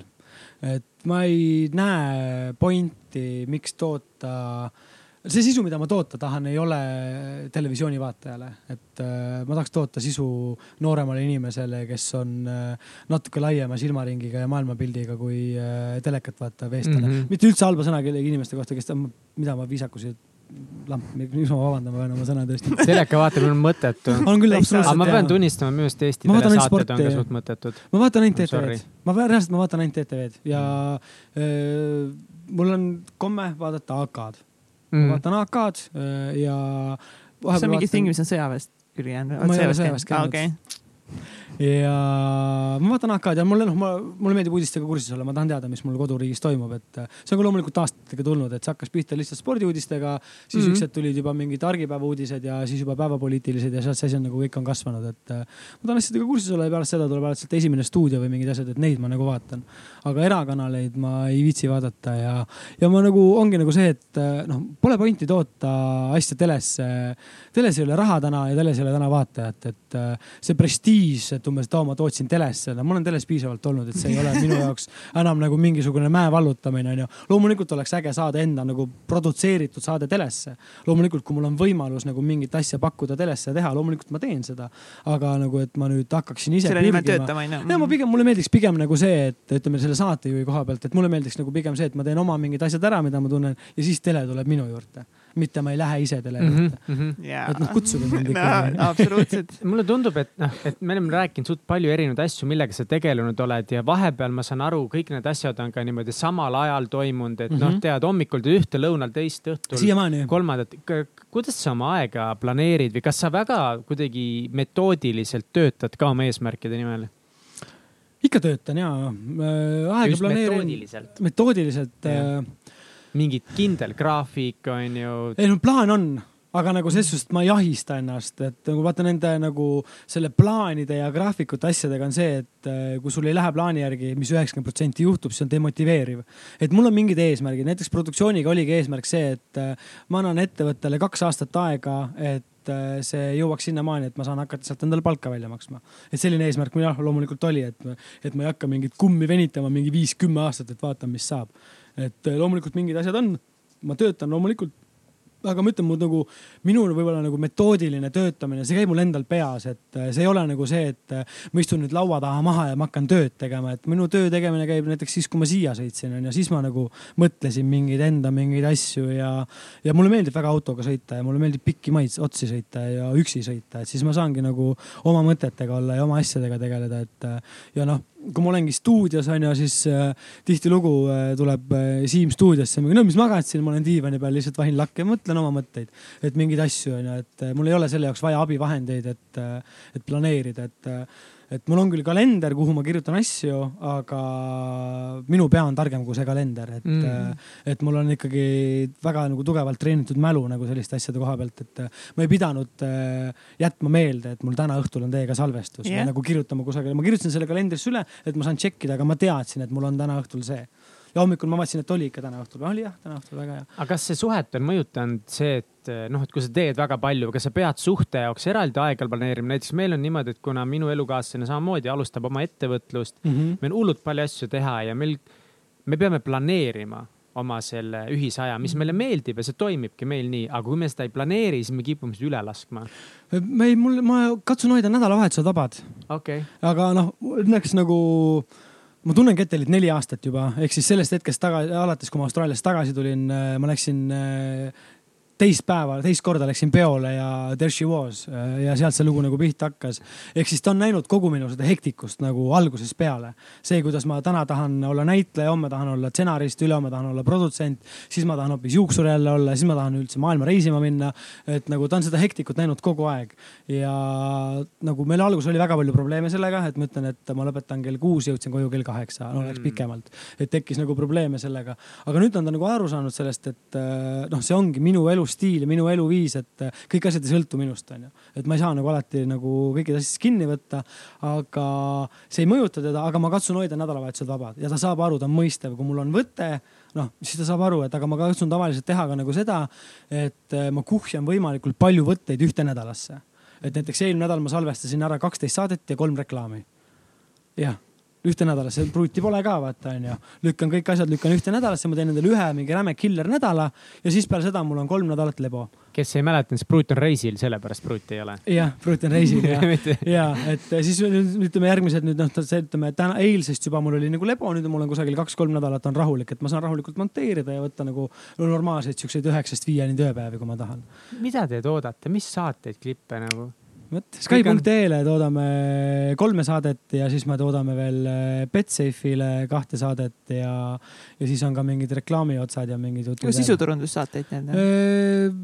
mitte otseselt isegi mitte sisuturundussaateid, et seal on küll sisuturundus sees aga ikkagi algne tuum on ikkagi nagu saade pigem. ja no see Pärtel poeg mingeid asju ma olen vaadanud. jah, no nüüd on noh, kõik tahavad nagu panna nagu reklaami ka juurde, et raha Jaa. teenida, aga, aga noh, minul on pigem nagu seal ikkagi nagu muud ülesanded, et ma teen selle toimetaja tööd, produtsendi tööd, kohapeal olen helimees teen režiid natukene, see on nagu pull, kuidas meil on, kuidas meil on Siimuga nagu ära jagatud, alguses me hullult nagu kaklesime nagu, et noh, et kumb nüüd režissöör on ja kumb nüüd nagu tähtsam on, onju, et, et kes nagu nüüd nagu Ja, ja, otsustab, ja. onju. aga nüüd me oleme nagu noh, nii pikalt juba koos töötanud, et me oleme aru saanud, et kus meie nii-öelda nagu populaarne väljend punased jooned on, onju.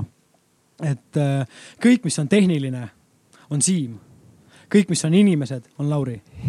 et mis nagu kogu tehniline pool, kust nurga alt võetakse, kuidas valgustatakse, mis lahendused, mis asjad nagu montaažis tehakse, see on Siim inimestega suhtlemine ja inimestega toimetamine ja see nagu. Sihuke loovtöö ja kõik ja, et see umbes, et nagu, et noh, et nagu, et õiged laused oleks õigel hetkel öeldud, kogu see töö on nagu minu peal nii-öelda siis nagu lavastaja töö või inimestega Mm. toimetamine.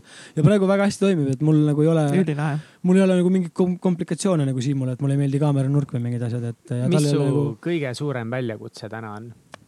ükskõik mis vallas, on sul mingisugune nagu on küll äh, minu kõige suurem äh, väljakutse täna on äh, freelancer'ina saada pangast kodulaen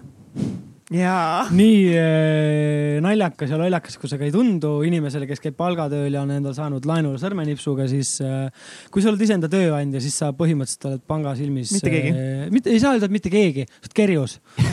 et või nagu selles oleks sa oled sa oled, sa oled juhutööline või sa oled nagu juhuotsategija või et neil ei ole kunagi kindlust, et, et sul on ka homme tööd, et äh, noh, et ma olen käinud erinevates pankades rääkimas ja õnneks mul pehmendab asjaolu see, et ma tahan pruudiga koos võtta, et noh, tema käib nagu siis nii-öelda nagu palgatööl, et siis tema on see kindel kalju jaa. ja mina olen siis see tuulelipp, kes võib iga hetk ümber kukkuda, onju, et. et noh, kuigi nagu ma mõtlen nagu seda, et nagu fuck, et ma ei ole nagu kümme aastat käinud nagu tööl tööl et ma olen tööd teinud, aga ma olen alati nagu handle inud enda asju ise ja ise majandanud Mm. ennast ja nüüd ma tundun teile, et ma ei ole nagu. jah, et ma olen maksnud kümme aastat, üle kümne aasta olen maksnud üüri kõvasti rohkem, kui tuleks laenusumma et ja siis te nagu ütlete mulle, et nagu noh see on jabur. Aga see on jah kõige suurem Jaa. challenge praegu, et see nagu kätte saada, et aga selle nimel ma töötan, selle nimel ma olen loonud äh, produktsiooni. see oli, mõttega oligi, et äh, produktsiooni loomise hetk, murdepunkt, istusin kodus, telefon oli käes, pangakontol oli äh, üle kümne tuhande euro. hakkasin valima panganumbrit, et leppida kokku laenu äh, konsultatsioon ja number oli sisse löödud, hakkasin vajutama seda rohelist nuppu, et helista ja viskasin telefoni diivani peale, mõtlesin perse, ma investeerin selle produktsiooni. Nice! las see produktsioon teenib mulle selle kodu. Wow. et ma ei tee seda sammu veel, et ma tahan nagu, et ma tunnen, et ma olen palju õnnelikum siis, kui ma saan teha produktsiooni, kui ma saan täna oma kodu ja pean tegema edasi juuksuritööd. et äh, julged monadega otsused, et jah, mul täna ei ole endiselt veel oma kodu, loomulikult mul on väga kahju sellest, ma tahaks väga oma kodu, aga kui loodus läheb otseteed, siis ma tahan minna oma südameteed nagu seda teed, mis ma tunnen, et on õige, mis teeb mind õnnelikuks, et äh, mul oli Ketteliga suhte alguses oli päris, päris raske talle selgeks teha nagu seda, et tema on selline, ta on nagu, ta on, ta on maamutška, noh, ta on nagu ehtne nagu kõige suurepärasem äh, ema, naine, vanaema, no selle koha pealt nagu super inimene ja tema jaoks on alati kõige tähtsam teiste heaolu. Ja mina olen nagu see inimene, kelle jaoks on kõige tähtsam enda heaolu. et mina pean olema õnnelik, et mina olen number üks kui mina olen õnnelik, siis läheb nagu edasi, siis me vaatame edasi, et nagu minu nagu püramiidi tipus olen mina ja siis alla tulevad mingid teised asjad. ja sellest oligi nagu tal oli nii raske aru saada sellest, et kuidas nagu sa saad öelda, et eh, sinu enda õnn, minu enda õnn on mulle kõige tähtsam, et aga, aga tema on ju, et aga mis tema ja kuidas tema tunded, asjad on ju. ma madistasin sellega ikka mingi poolteist aastat et nüüd ta saab aru sellest, et jah, et tema õnn on kõige tähtsam, et kui tema ei ole õnnelik, siis ei saa ka mina tema kõrval õnnelik olla. just, et seal on nagu, see ei ole kuidagi seotud mingi egotsemisega, vaid lihtsalt, kui sa ei ole Jah, ise nagu rahul endaga. ise Jaa. kõige õnnelikum et inimene. võib-olla see armastus on võib-olla nagu inimesele nagu, nagu liiga mõjuvõimas sõna onju, et ja, äh, kui sa ei ole endaga tasakaalus või sa ei saa endaga hakkama, siis no ei saa teised inimesed ka sinuga hakkama. ja väga paljud suhete probleem on ka see, et, et nagu ongi, et nad, nad nagu see teine inimene kuidagi on just see, kes peab neile selle enda õnne andma mm. -hmm. et nagu ja siis ongi, et see, sina oled sõltuv teise inimese õnnest mm. -hmm. kuidagi, et nagu, et sa pead koju tulema mulle selle õnne nüüd tooma.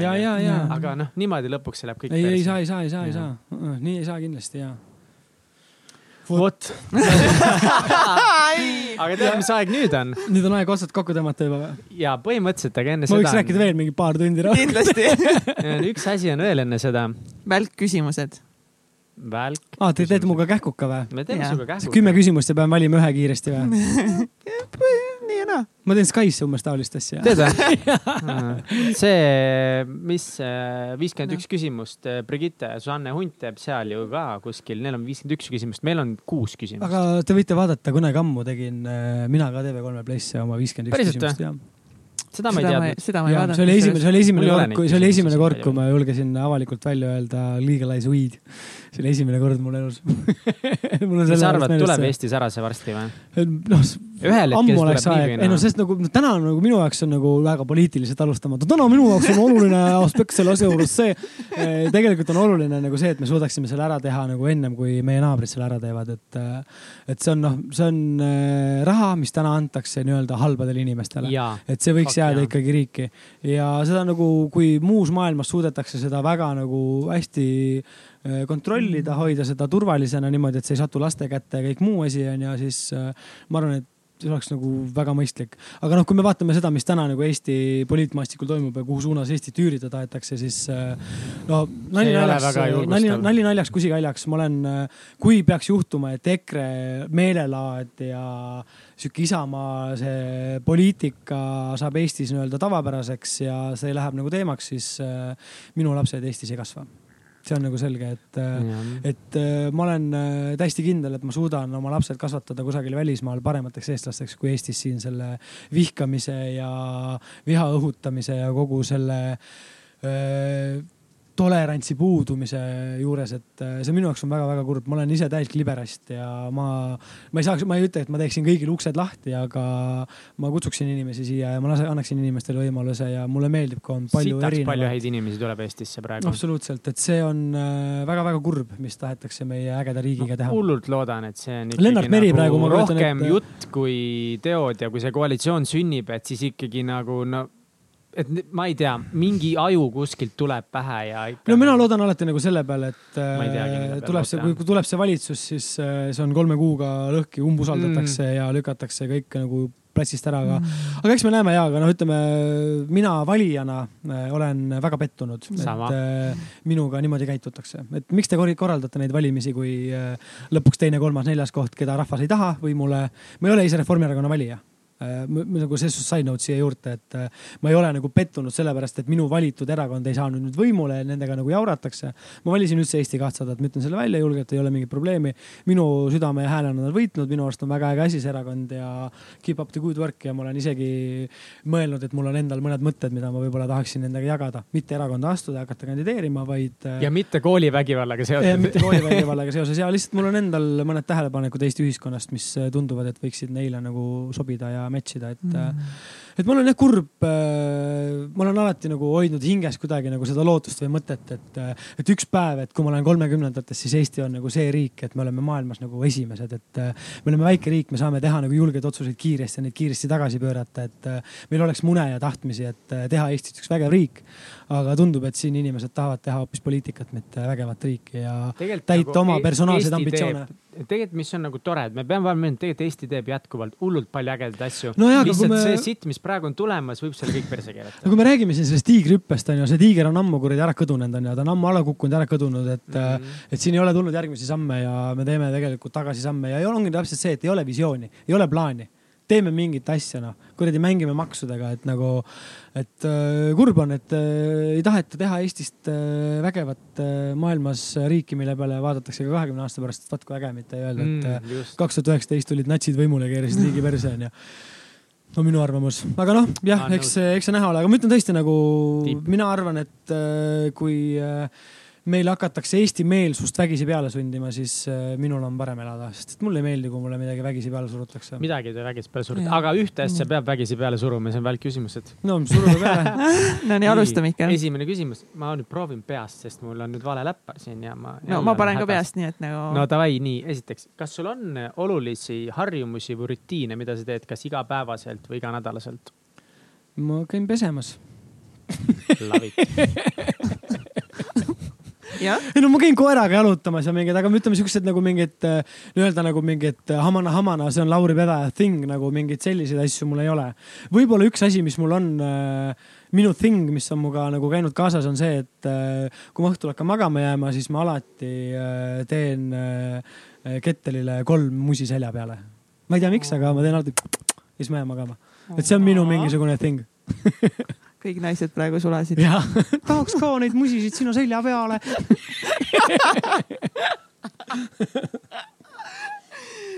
milles sa väga hea ei ole?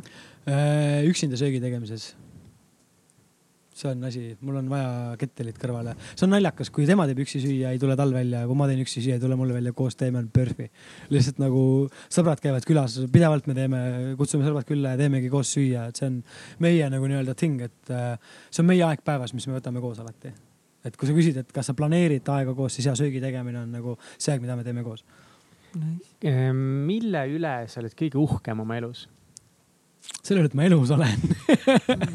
Tegelikult nagu, kui ma vaatan äh, tagasi oma äh, nooruspõlvele, lapsepõlvele, siis ma olen ikka no kui öeldakse, et kassil on seitse elu, siis ma olen ikka, ma arvan, mingi korda kolm äh, korda pannud ennast mõttetult nagu reaalset elu ohtu mingisuguse lihtsalt adrenaliinilaksu või huvitava kogemuse pärast, et selle üle ma olen uhke, et ma olen elus ja ma olen tegelikult uhke selle üle, et ma võtsin vastu selle otsuse, et Kettelist saab minu laste ema ja see oli päris raske, nagu kui sa, ma olin noh, man-whore on mulle sihuke nagu hea nagu sõna ja kuidagi nagu tulla selle nagu rongi pealt maha ja saada aru, et ei, ei, et nagu paremat ei tule, et äh, lagi ongi see noh, su ladvaõun ongi su ees, sa pead lihtsalt sellest aru saama ja selle nagu ära nüüd võtma. et see hetk oli ka, kui ma selle nagu enda peas ära murdsin, et tätt, nüüd ma ei jookse enam seeliku sabade järgi, siis ma tundsin ka, et ja ma olen sellele väga ilusti vastu pidanud ja olen oma nii-öelda sõna pidanud ja oma plaani pidanud ja ma olen selle üle väga uhke. Nice mis on kõige pöörasem asi, mis sa elus teinud oled ja kas sa teeksid seda uuesti? ja kindlasti teeksin uuesti, aga nüüd ma hakkan mõtlema, mis see oli ma ei kahetse mitte midagi, kõige pöörasem asi, no neid on nagu palju, noh, kas sa mõtled nüüd mingit a la, et kusagilt mingi alla hüppamist no, mida iganes no,. sa võid ise seda defineerida, kuidas no, tahad. Neid on tõesti palju asju, no kasvõi kõige pöörasem asi see, et ma müüsin kõik asjad maha, läksin minema, onju. Äh, kasvõi kõige pöörasem asi see, et me võtsime põhimõtteliselt hetke emotsiooni pealt koera, onju. väga hull, onju. noore poisina hüppasin kolmanda korruse aknast äh, põlve kõrgusesse lumehange, suhteliselt crazy teema onju. debiilne teema, mida teha. noh, mingid siuksed asjad, et äh, äh, sõitsime talvel, kui oli maantee, kõik oli jäätunud, siis buss tuli bussipeatuses, läksime bussi taha, võtsime bussi tagast hangest kinni, sõitsime mingi kilomeeter kaks bussi taga, mingi buss pani seitsekümmend kiltsa tunnis onju, tossudega lased jää peal. no mingeid siukseid asju oleme nagu teinud omal ajal, mis on päris pöörased sama jah, noh, see nagu on suht nagu haige. Ja kui sa näed, et sul on auto tagaääres, sul on käed väsinud ja sa ei saa lahti lasta, sa oled ratast all nagu ja kuidas sa selle olukorra lahendad, et nagu noh. Aga ma teeks uuesti, ma ütlen nagu, ma ei teeks nagu, ma ei teeks nagu täna seda uuesti, aga selles vanuses ma teeksin seda uuesti. täna ma mingi nalja teed või, kus ma oma kuradi haige seljaga ronima hakkan? Nüüd et kindlasti mitte jah. mis mu järgmine küsimus oli mis sinu järgmine küsimus yeah. on või? issand, nüüd sa paned mind pinget, aga ma tean. see on nagu mul salongis, ma küsin kogu aeg oma kolleegi käest, et oo kuule, mis värvi ma oma kliendile tegin, ise ei mäleta, kolleeg mäletab no vot, mis mu küsimus nüüd on? meil on äh, see skaala küsimus on ju, siis meil on. Äh, skaala. no ühest kümneni on ju ja siis meil on. aga skaala oli minu küsimus on ju? ja, ja, aa. mis on edu võti? töö, töö ja kirg. See ma, ma ei näe muud valikut, et kuidas edukaks saada nagu mõtteid mõlgutades on nagu tore, aga tegutsema pead. mulle meeldib kunagi, mulle mingid kvoodid vaata jäävad nagu kusagilt elust nagu külge, mis äh, äh, nagu drive ivad läbi elu ja üks Äh, mõte, mis mul ongi käinud kaasas, on see, et sinu tänapäeva, tänase päeva ja unistuste vahel on ainult üks asi, see on tegutsemine. et see nagu quote on kuidagi nagu jäänud külge.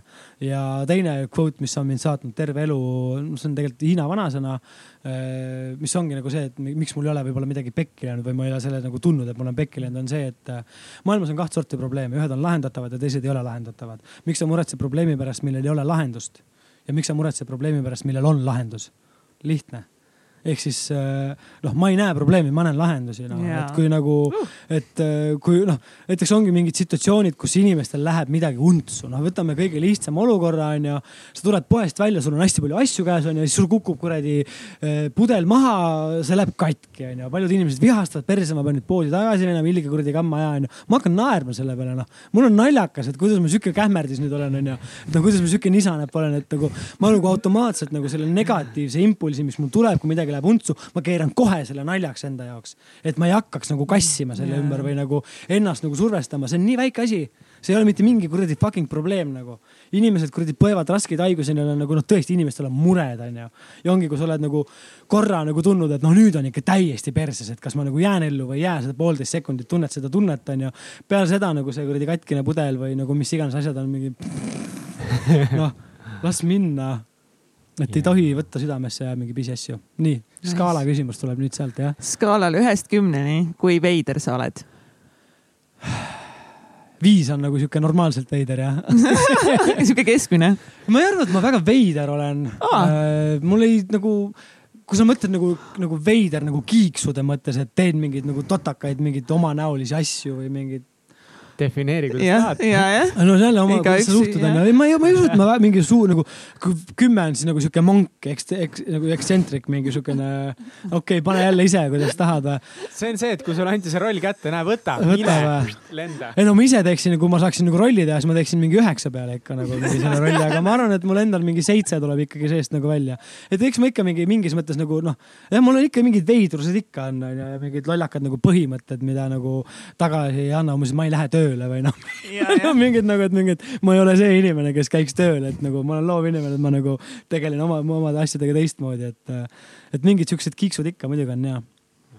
tavaliselt me küsime lõpus oma külalistelt, et kust siis meie fännid saavad. ära veel seda küsi. ei küsi või? aa, ei küsi ja, jesus. küsi sina või ütle sina ja. Kui palju sa üldse raamatuid loed või kui palju need on sinu elu mõjutanud? vot sellega on nüüd on nagu jube piinlik on öelda, et äh, viimati vist võtsin raamatu kätte mingi kaks-kolm aastat tagasi, et ma ei ole lugenud muuta raamatuid, ma aega muuta seda jaa, aga, aga kui palju on raamatud mõjutanud mu elu, ma väga palju mm,. ma ütleme keskkooli ajal ja peale keskkooli, ütleme sihuke viis-kuus aastat peale seda ma lugesin nagu väga-väga palju raamatuid. et keskkoolis, kui anti nagu valik kohustuslikus kirjanduses, siis ma nagu pigem lugesin mõlemat, kui valisin ühe Mm. et mulle nagu väga meeldib lugeda ja mulle nagu klassika ja kõik nagu, et kui inimesed ütlevad, et nad lugesid Meister ja Margaritat ja nad oksendasid, siis noh, ma lihtsalt lappasin seda niimoodi läbi, et ma ei jõudnud nagu, nagu et ära oodata, et mis seal edasi saab, et mul oli nagu põnev Tõde ja õigus ja kõik need asjad, et mulle on nagu väga meeldinud ja väga-väga mõjutas mind kuidagi. Dorian Gray portree oli üks raamat, mis mind kuidagi väga nagu kuidagi puudutas või niimoodi, et ma nagu täitsa hakkasin nagu uurima Oscar Wilde'i eluloo kohta ja asjade kohta, et äh, tegin veel isegi mingi ettekande koolis ja mingid asjad, et äh, et mulle raamatud väga meeldivad ja ma nagu tahaks lugeda, aga, aga ma ei ole nagu leidnud äh, kuidagi nagu seda aega, mul käib mõte küll peast läbi, et tegelikult peaks uuesti lugema ja noh, kui hakkaski see Tõe ja õiguse film tuleb, et tegelikult võiks need viis tükki uuesti läbi Jaa. lugeda, et ei mäleta enam ja asjad. aga no päeva lõpuks on ikkagi see, et sa jõuad kuradi kell kaheksa koju, teed süüa, kell kümme saad süüa ja siis äh, tahaks kuradi natuke aega nagu torssu peast välja ka lasta ja naisega niisama nagu mingeid nagu olmeasju rääkida Jaa. ja siis ongi kell juba sihuke, et lähed magama ja sul nagu ei ole reaalselt seda aega, et äh, see aeg lugemiseks tuleb võtta millegi arvelt et see on nagu veits nagu keeruline, aga sealt nüüd tuleb mingi raamat. Jaa, ja- me- sealt tuleb mingi raamat. me aitame sind äh, ree peale tagasi. Väga tore. Mindseti raamatuga Järeleandmatu. noh, see on suht minulik ausalt öeldes ja ma olen suht järeleandmatu ja jäik, et äh, noh, naljatades ma olen öelnud ka endale seda, et nii kui tahan, kohe saan. No vot. et universumi seadused. ja et aga seda ma nüüd tõesti seda, sellesse ma usun nagu sellesse, kas universumisse mõtte saatmise või üldse nagu mõtte laiali saatmist, et see on nagu minu arust on nagu täiesti thing, et. äh, ma nõustun, aga vahepeal ma kardan ikkagi- teha seda. Loodad, et tuleb liiga kiiresti, ei ole valmis olla või? ma ei tea, ma olen aru saanud, ma kardan seda teha, aga ma ei tea, miks hästi veel. et kas sa kardad, et sa ei kontrolli seda nagu piisavalt? võib-olla, ma ei tea, sest mõnikord ma olen nagu saatnud need signaalid välja, ma olen valmis olnud ja asjad ongi läinud nii, no mitte nii, et ma täpselt tean, aga mm. -hmm. ma olen mingi, oh my god, et ma just mõtlesin, et nüüd ma olen valmis selle asja jaoks. Siis teinekord ma mõtlen, et nagu Mihkel, sa tahad sinna jõuda, sa tahad seda teha, et nagu kuidagi lase välja see signaal, ole valmis vastu võtma mm -hmm. seda. Mhm. aga vaata, siin on, aga, aga siin on vaata alati on nagu ka see, et kui sa kardad, siis sul on ebakindlus selle asja vastu yeah., järelikult sa ei ole selleks valmis. siis ei olegi mõtet hakata nagu kangutama, onju. et sa ikkagi ju soovid ja tahad asju, milleks sa oled valmis ja sa tunned, et nagu that's the shit, noh ilma selleta ma enam ei saa, et see peab nagu, see sisemine põlemine peab olema ikkagi maksimaalne, temperatuur peab põhjas olema. et mm. siis sa saad selle soovi saata see on hea point mm. -hmm endaga töö tegemine, ma ütlen nagu, ja ma ütlen yeah. nagu see, et noh, ma ütlen nagu see, et äh, tulen korraks selle nagu reisimise teema juurde mhm. tagasi, et äh,, et üksi reisimine, et äh, see on asi, mida inimesed nagu peaksid tegema et see üksi olemine, endaga olemine, enda tundma õppimine, et kasvõi nagu see, et äh, ma olen keset Ho Chi Minhi linna äh, Vietnamis äh, üksinda äh,. kell on kaksteist päeval, mul on selles linnas neli päeva veel mul ei ole kiiret. ma võin siin kohvikus istuda pool tundi kauem vaadata inimesi, passida, mõelda oma mõtteid. mul ei ole kiire, et nagu tullagi kogu sellest nagu rütmist välja, kus sa oled kogu aeg sees. aitäh sulle selle raamatu eest, et kogu aeg on kiire, kogu aeg on vaja midagi teha, kogu aeg on vaja midagi saavutada. et võtta see aeg maha, et see nagu, see loksutab nii kuradi oma paljud asjad paika. et see Austraalias, kui ma seal Pärli laeva peal olin, ma läksin hommikul kella poole seitsmest laeva peale ja õhtul poole neljast tuldi järgi. ja põhimõtteliselt sa oled kogu selle aja oled vaikuses oma mõtetega. noh, vaikus on nagu palju öelda, sest et noh, mootorimüra ja asjad toimivad aga sa oled üksinda, sa oled oma mõtetega, sul on ümber National Geographicu kuradi scenery onju. delfiinid hüppavad, kuradi kilpkonnad ujuvad, väiksed haikesed, värgid, särgid onju. ja sa oled lihtsalt teed tööd, monotoonset tööd, mille liigutuses õpid selgeks kahe päevaga, et seda võimalikult ergonoomiliselt teha ja sa istud lihtsalt oma mõtetega. päevast päeva, see on nagu sa õpid ennast nii palju tundma, iga päev ma läksin niimoodi nagu tööle, et mul oli jälle nagu välja mõeldud mingisugune enda nii-öelda nagu kinnine tuba et kuhu ma nagu sisse ei lähe ja siis iga päev ma läksin tööle ja ma koputasin sinna uksele ja ma tegin selle ukse lahti ja ma hakkasin pusima ennast lahti, sest et nagu noh, tihtilugu ongi see, et sul on endal ka mingi, et äh, nagu sa ütlesid, et sa ei julge soovida, onju, et miks sa ei soo, julge soovida ja sa hakkad nagu selle mõttega flirtima, aga siis sa lähed nagu plokki, et ei, ei, ma ei taha, et mm, sealt võib just. mingi koll nagu välja tulla, onju, see ebakindlus onju, et noh, et las pigem las see koll olla seal alateadvuses taga kuklas yeah. kusagil. aga kui sa nagu lähed nagu sellele peale noh, minu jaoks oligi, Austraalias oligi kanep oli hästi hea nagu. ta, ma olen, ma olen nii-öelda nagu noh, ma ei ole ju kaine, vaata, ma olen julgem või nagu see võttis nagu selle kompleksi kuidagi maha, et. et noh, et nagu kui sa oled nagu selge kaine, see nagu noh, ei ole nagu nii-öelda siis hais on ju. et siis noh, ma olen tavaline mina, aga kui on hai peal, siis mul on ettekääne või see, et noh, ma tegelikult olen julgem, kui ma seda teen, on ju. ja siis käisin ja kraapisin neid tube ja lahkasin enda probleeme ja läksin väga sügavale ja väga valus oli ja väga rõve oli endal ja. ja ikka väga tujutu olin ja üldse ei tahtnud seal laeva peal olla, järgmine päev tööle minna, aga, aga kui sa nagu lõpuks oled kaks nädalat enda kallal intensiivselt tööd teinud ja siuksed tuled nagu tsivilisatsiooni tagasi, siis see tunne nagu, kuidas sa tunned ennast nagu nii kergelt ja sa tead enda positsiooni täpselt. et see on nagu nii tore, et enda positsiooni enda suhtes, et sa ei kahtle endas. et sa nagu, pluss see nagu see, et sa satud olukordadesse, mis sa pead üksinda lahendama, annab sulle veel nagu enesekindlust, nagu eneseteadlikkust juurde, et miski ei peatagi mind, et ma saan kõigega hakkama. ja see annab nagu siukse boost'i ja veel see, et ma olen endaga sõber ja ma saan kõigega hakkama, siis ei olegi sul ju mitte ühtegi takistust, siis sa saadki kõik, mida sa tahad no,. võtke see mõte endaga kaasa no ikka täiega. aga aitäh selle raamatu eest ja see on siis järeleandmatu ja hea suurepäraseks ja sealt edasi peatamatuks täpselt. kõlab huvitavalt ja. muidugi, et nagu kus juba hoog on, sinna tuleb hoogu juurde anda. aga tuleb. Lauri, kust ikkagi, ikkagi olenemata, et sa nüüd ei ole Instagramis nii tegev, siis kus meie fännid sinu tegemistel silma peal saavad hoida? Äh, helistage mulle, küsige, kuidas mul läheb. sa kindlasti annad oma numbri nüüd kõikidele äh, no eks see Instagram. Äh, Facebookis sul on ju Lauri Maailm. ja, ja see on olemas ja no eks mul igal pool mingi natuke noh, noh kurat löö ükstaspuha millisesse sotsmeedia platvormi sisse Lauri Pedaja midagi sealt ikkagi vastu vaatab, onju. et ma ütlen, praegune nii-öelda nagu varjuperiood või nii-öelda mõõnaperiood on tahtluslik, see on teadlik selleks, et mitte toota mingit suvalist sitta, mis mind ei kõneta, vaid selleks, et äh, küpsetada valmis asjad, mis mind reaalselt nagu kõnetavad ja mis on minu arust ägedad, et, et noh, ütleme siis seletamaks inimesele, kes praegu mõtleb, et mis, mis akadeemia ainult, et see on umbes nagu artist küpsetab albumit, et noh, peab kõik komponendid peavad olema paigas, et mm. ei ole mõtet teha lihtsalt jutusaadet, kui sul ei ole seal mingit twisti onju, et teil on oma twist küljes, igal asjal on oma nagu twist küljes mm.. et ma ei ole veel suutnud nagu välja mõelda, et mis on täpselt see twist, mis mind nagu isiklikult kõnetab. nii et minge follow'ge ikkagi kõik Laurit. Jaa, ma ei postita midagi. ja siis, kui tuleb, aga siis, kui tuleb, siis tuleb õige ja asi. eks ma ikka, eks ma ikka annan siis teada muidugi Jaa. loomulikult, et mis ma teen, aga, aga jah, minu eraelust ja nendest asjadest kahjuks ei saa kusagilt enam teada, et see Aus. on, sellega on nüüd kõik. Lauri, aitäh sulle. aitäh teile, mul oli väga tore. väga tore oli. jees, üle kahe tunni. tšau. tšau.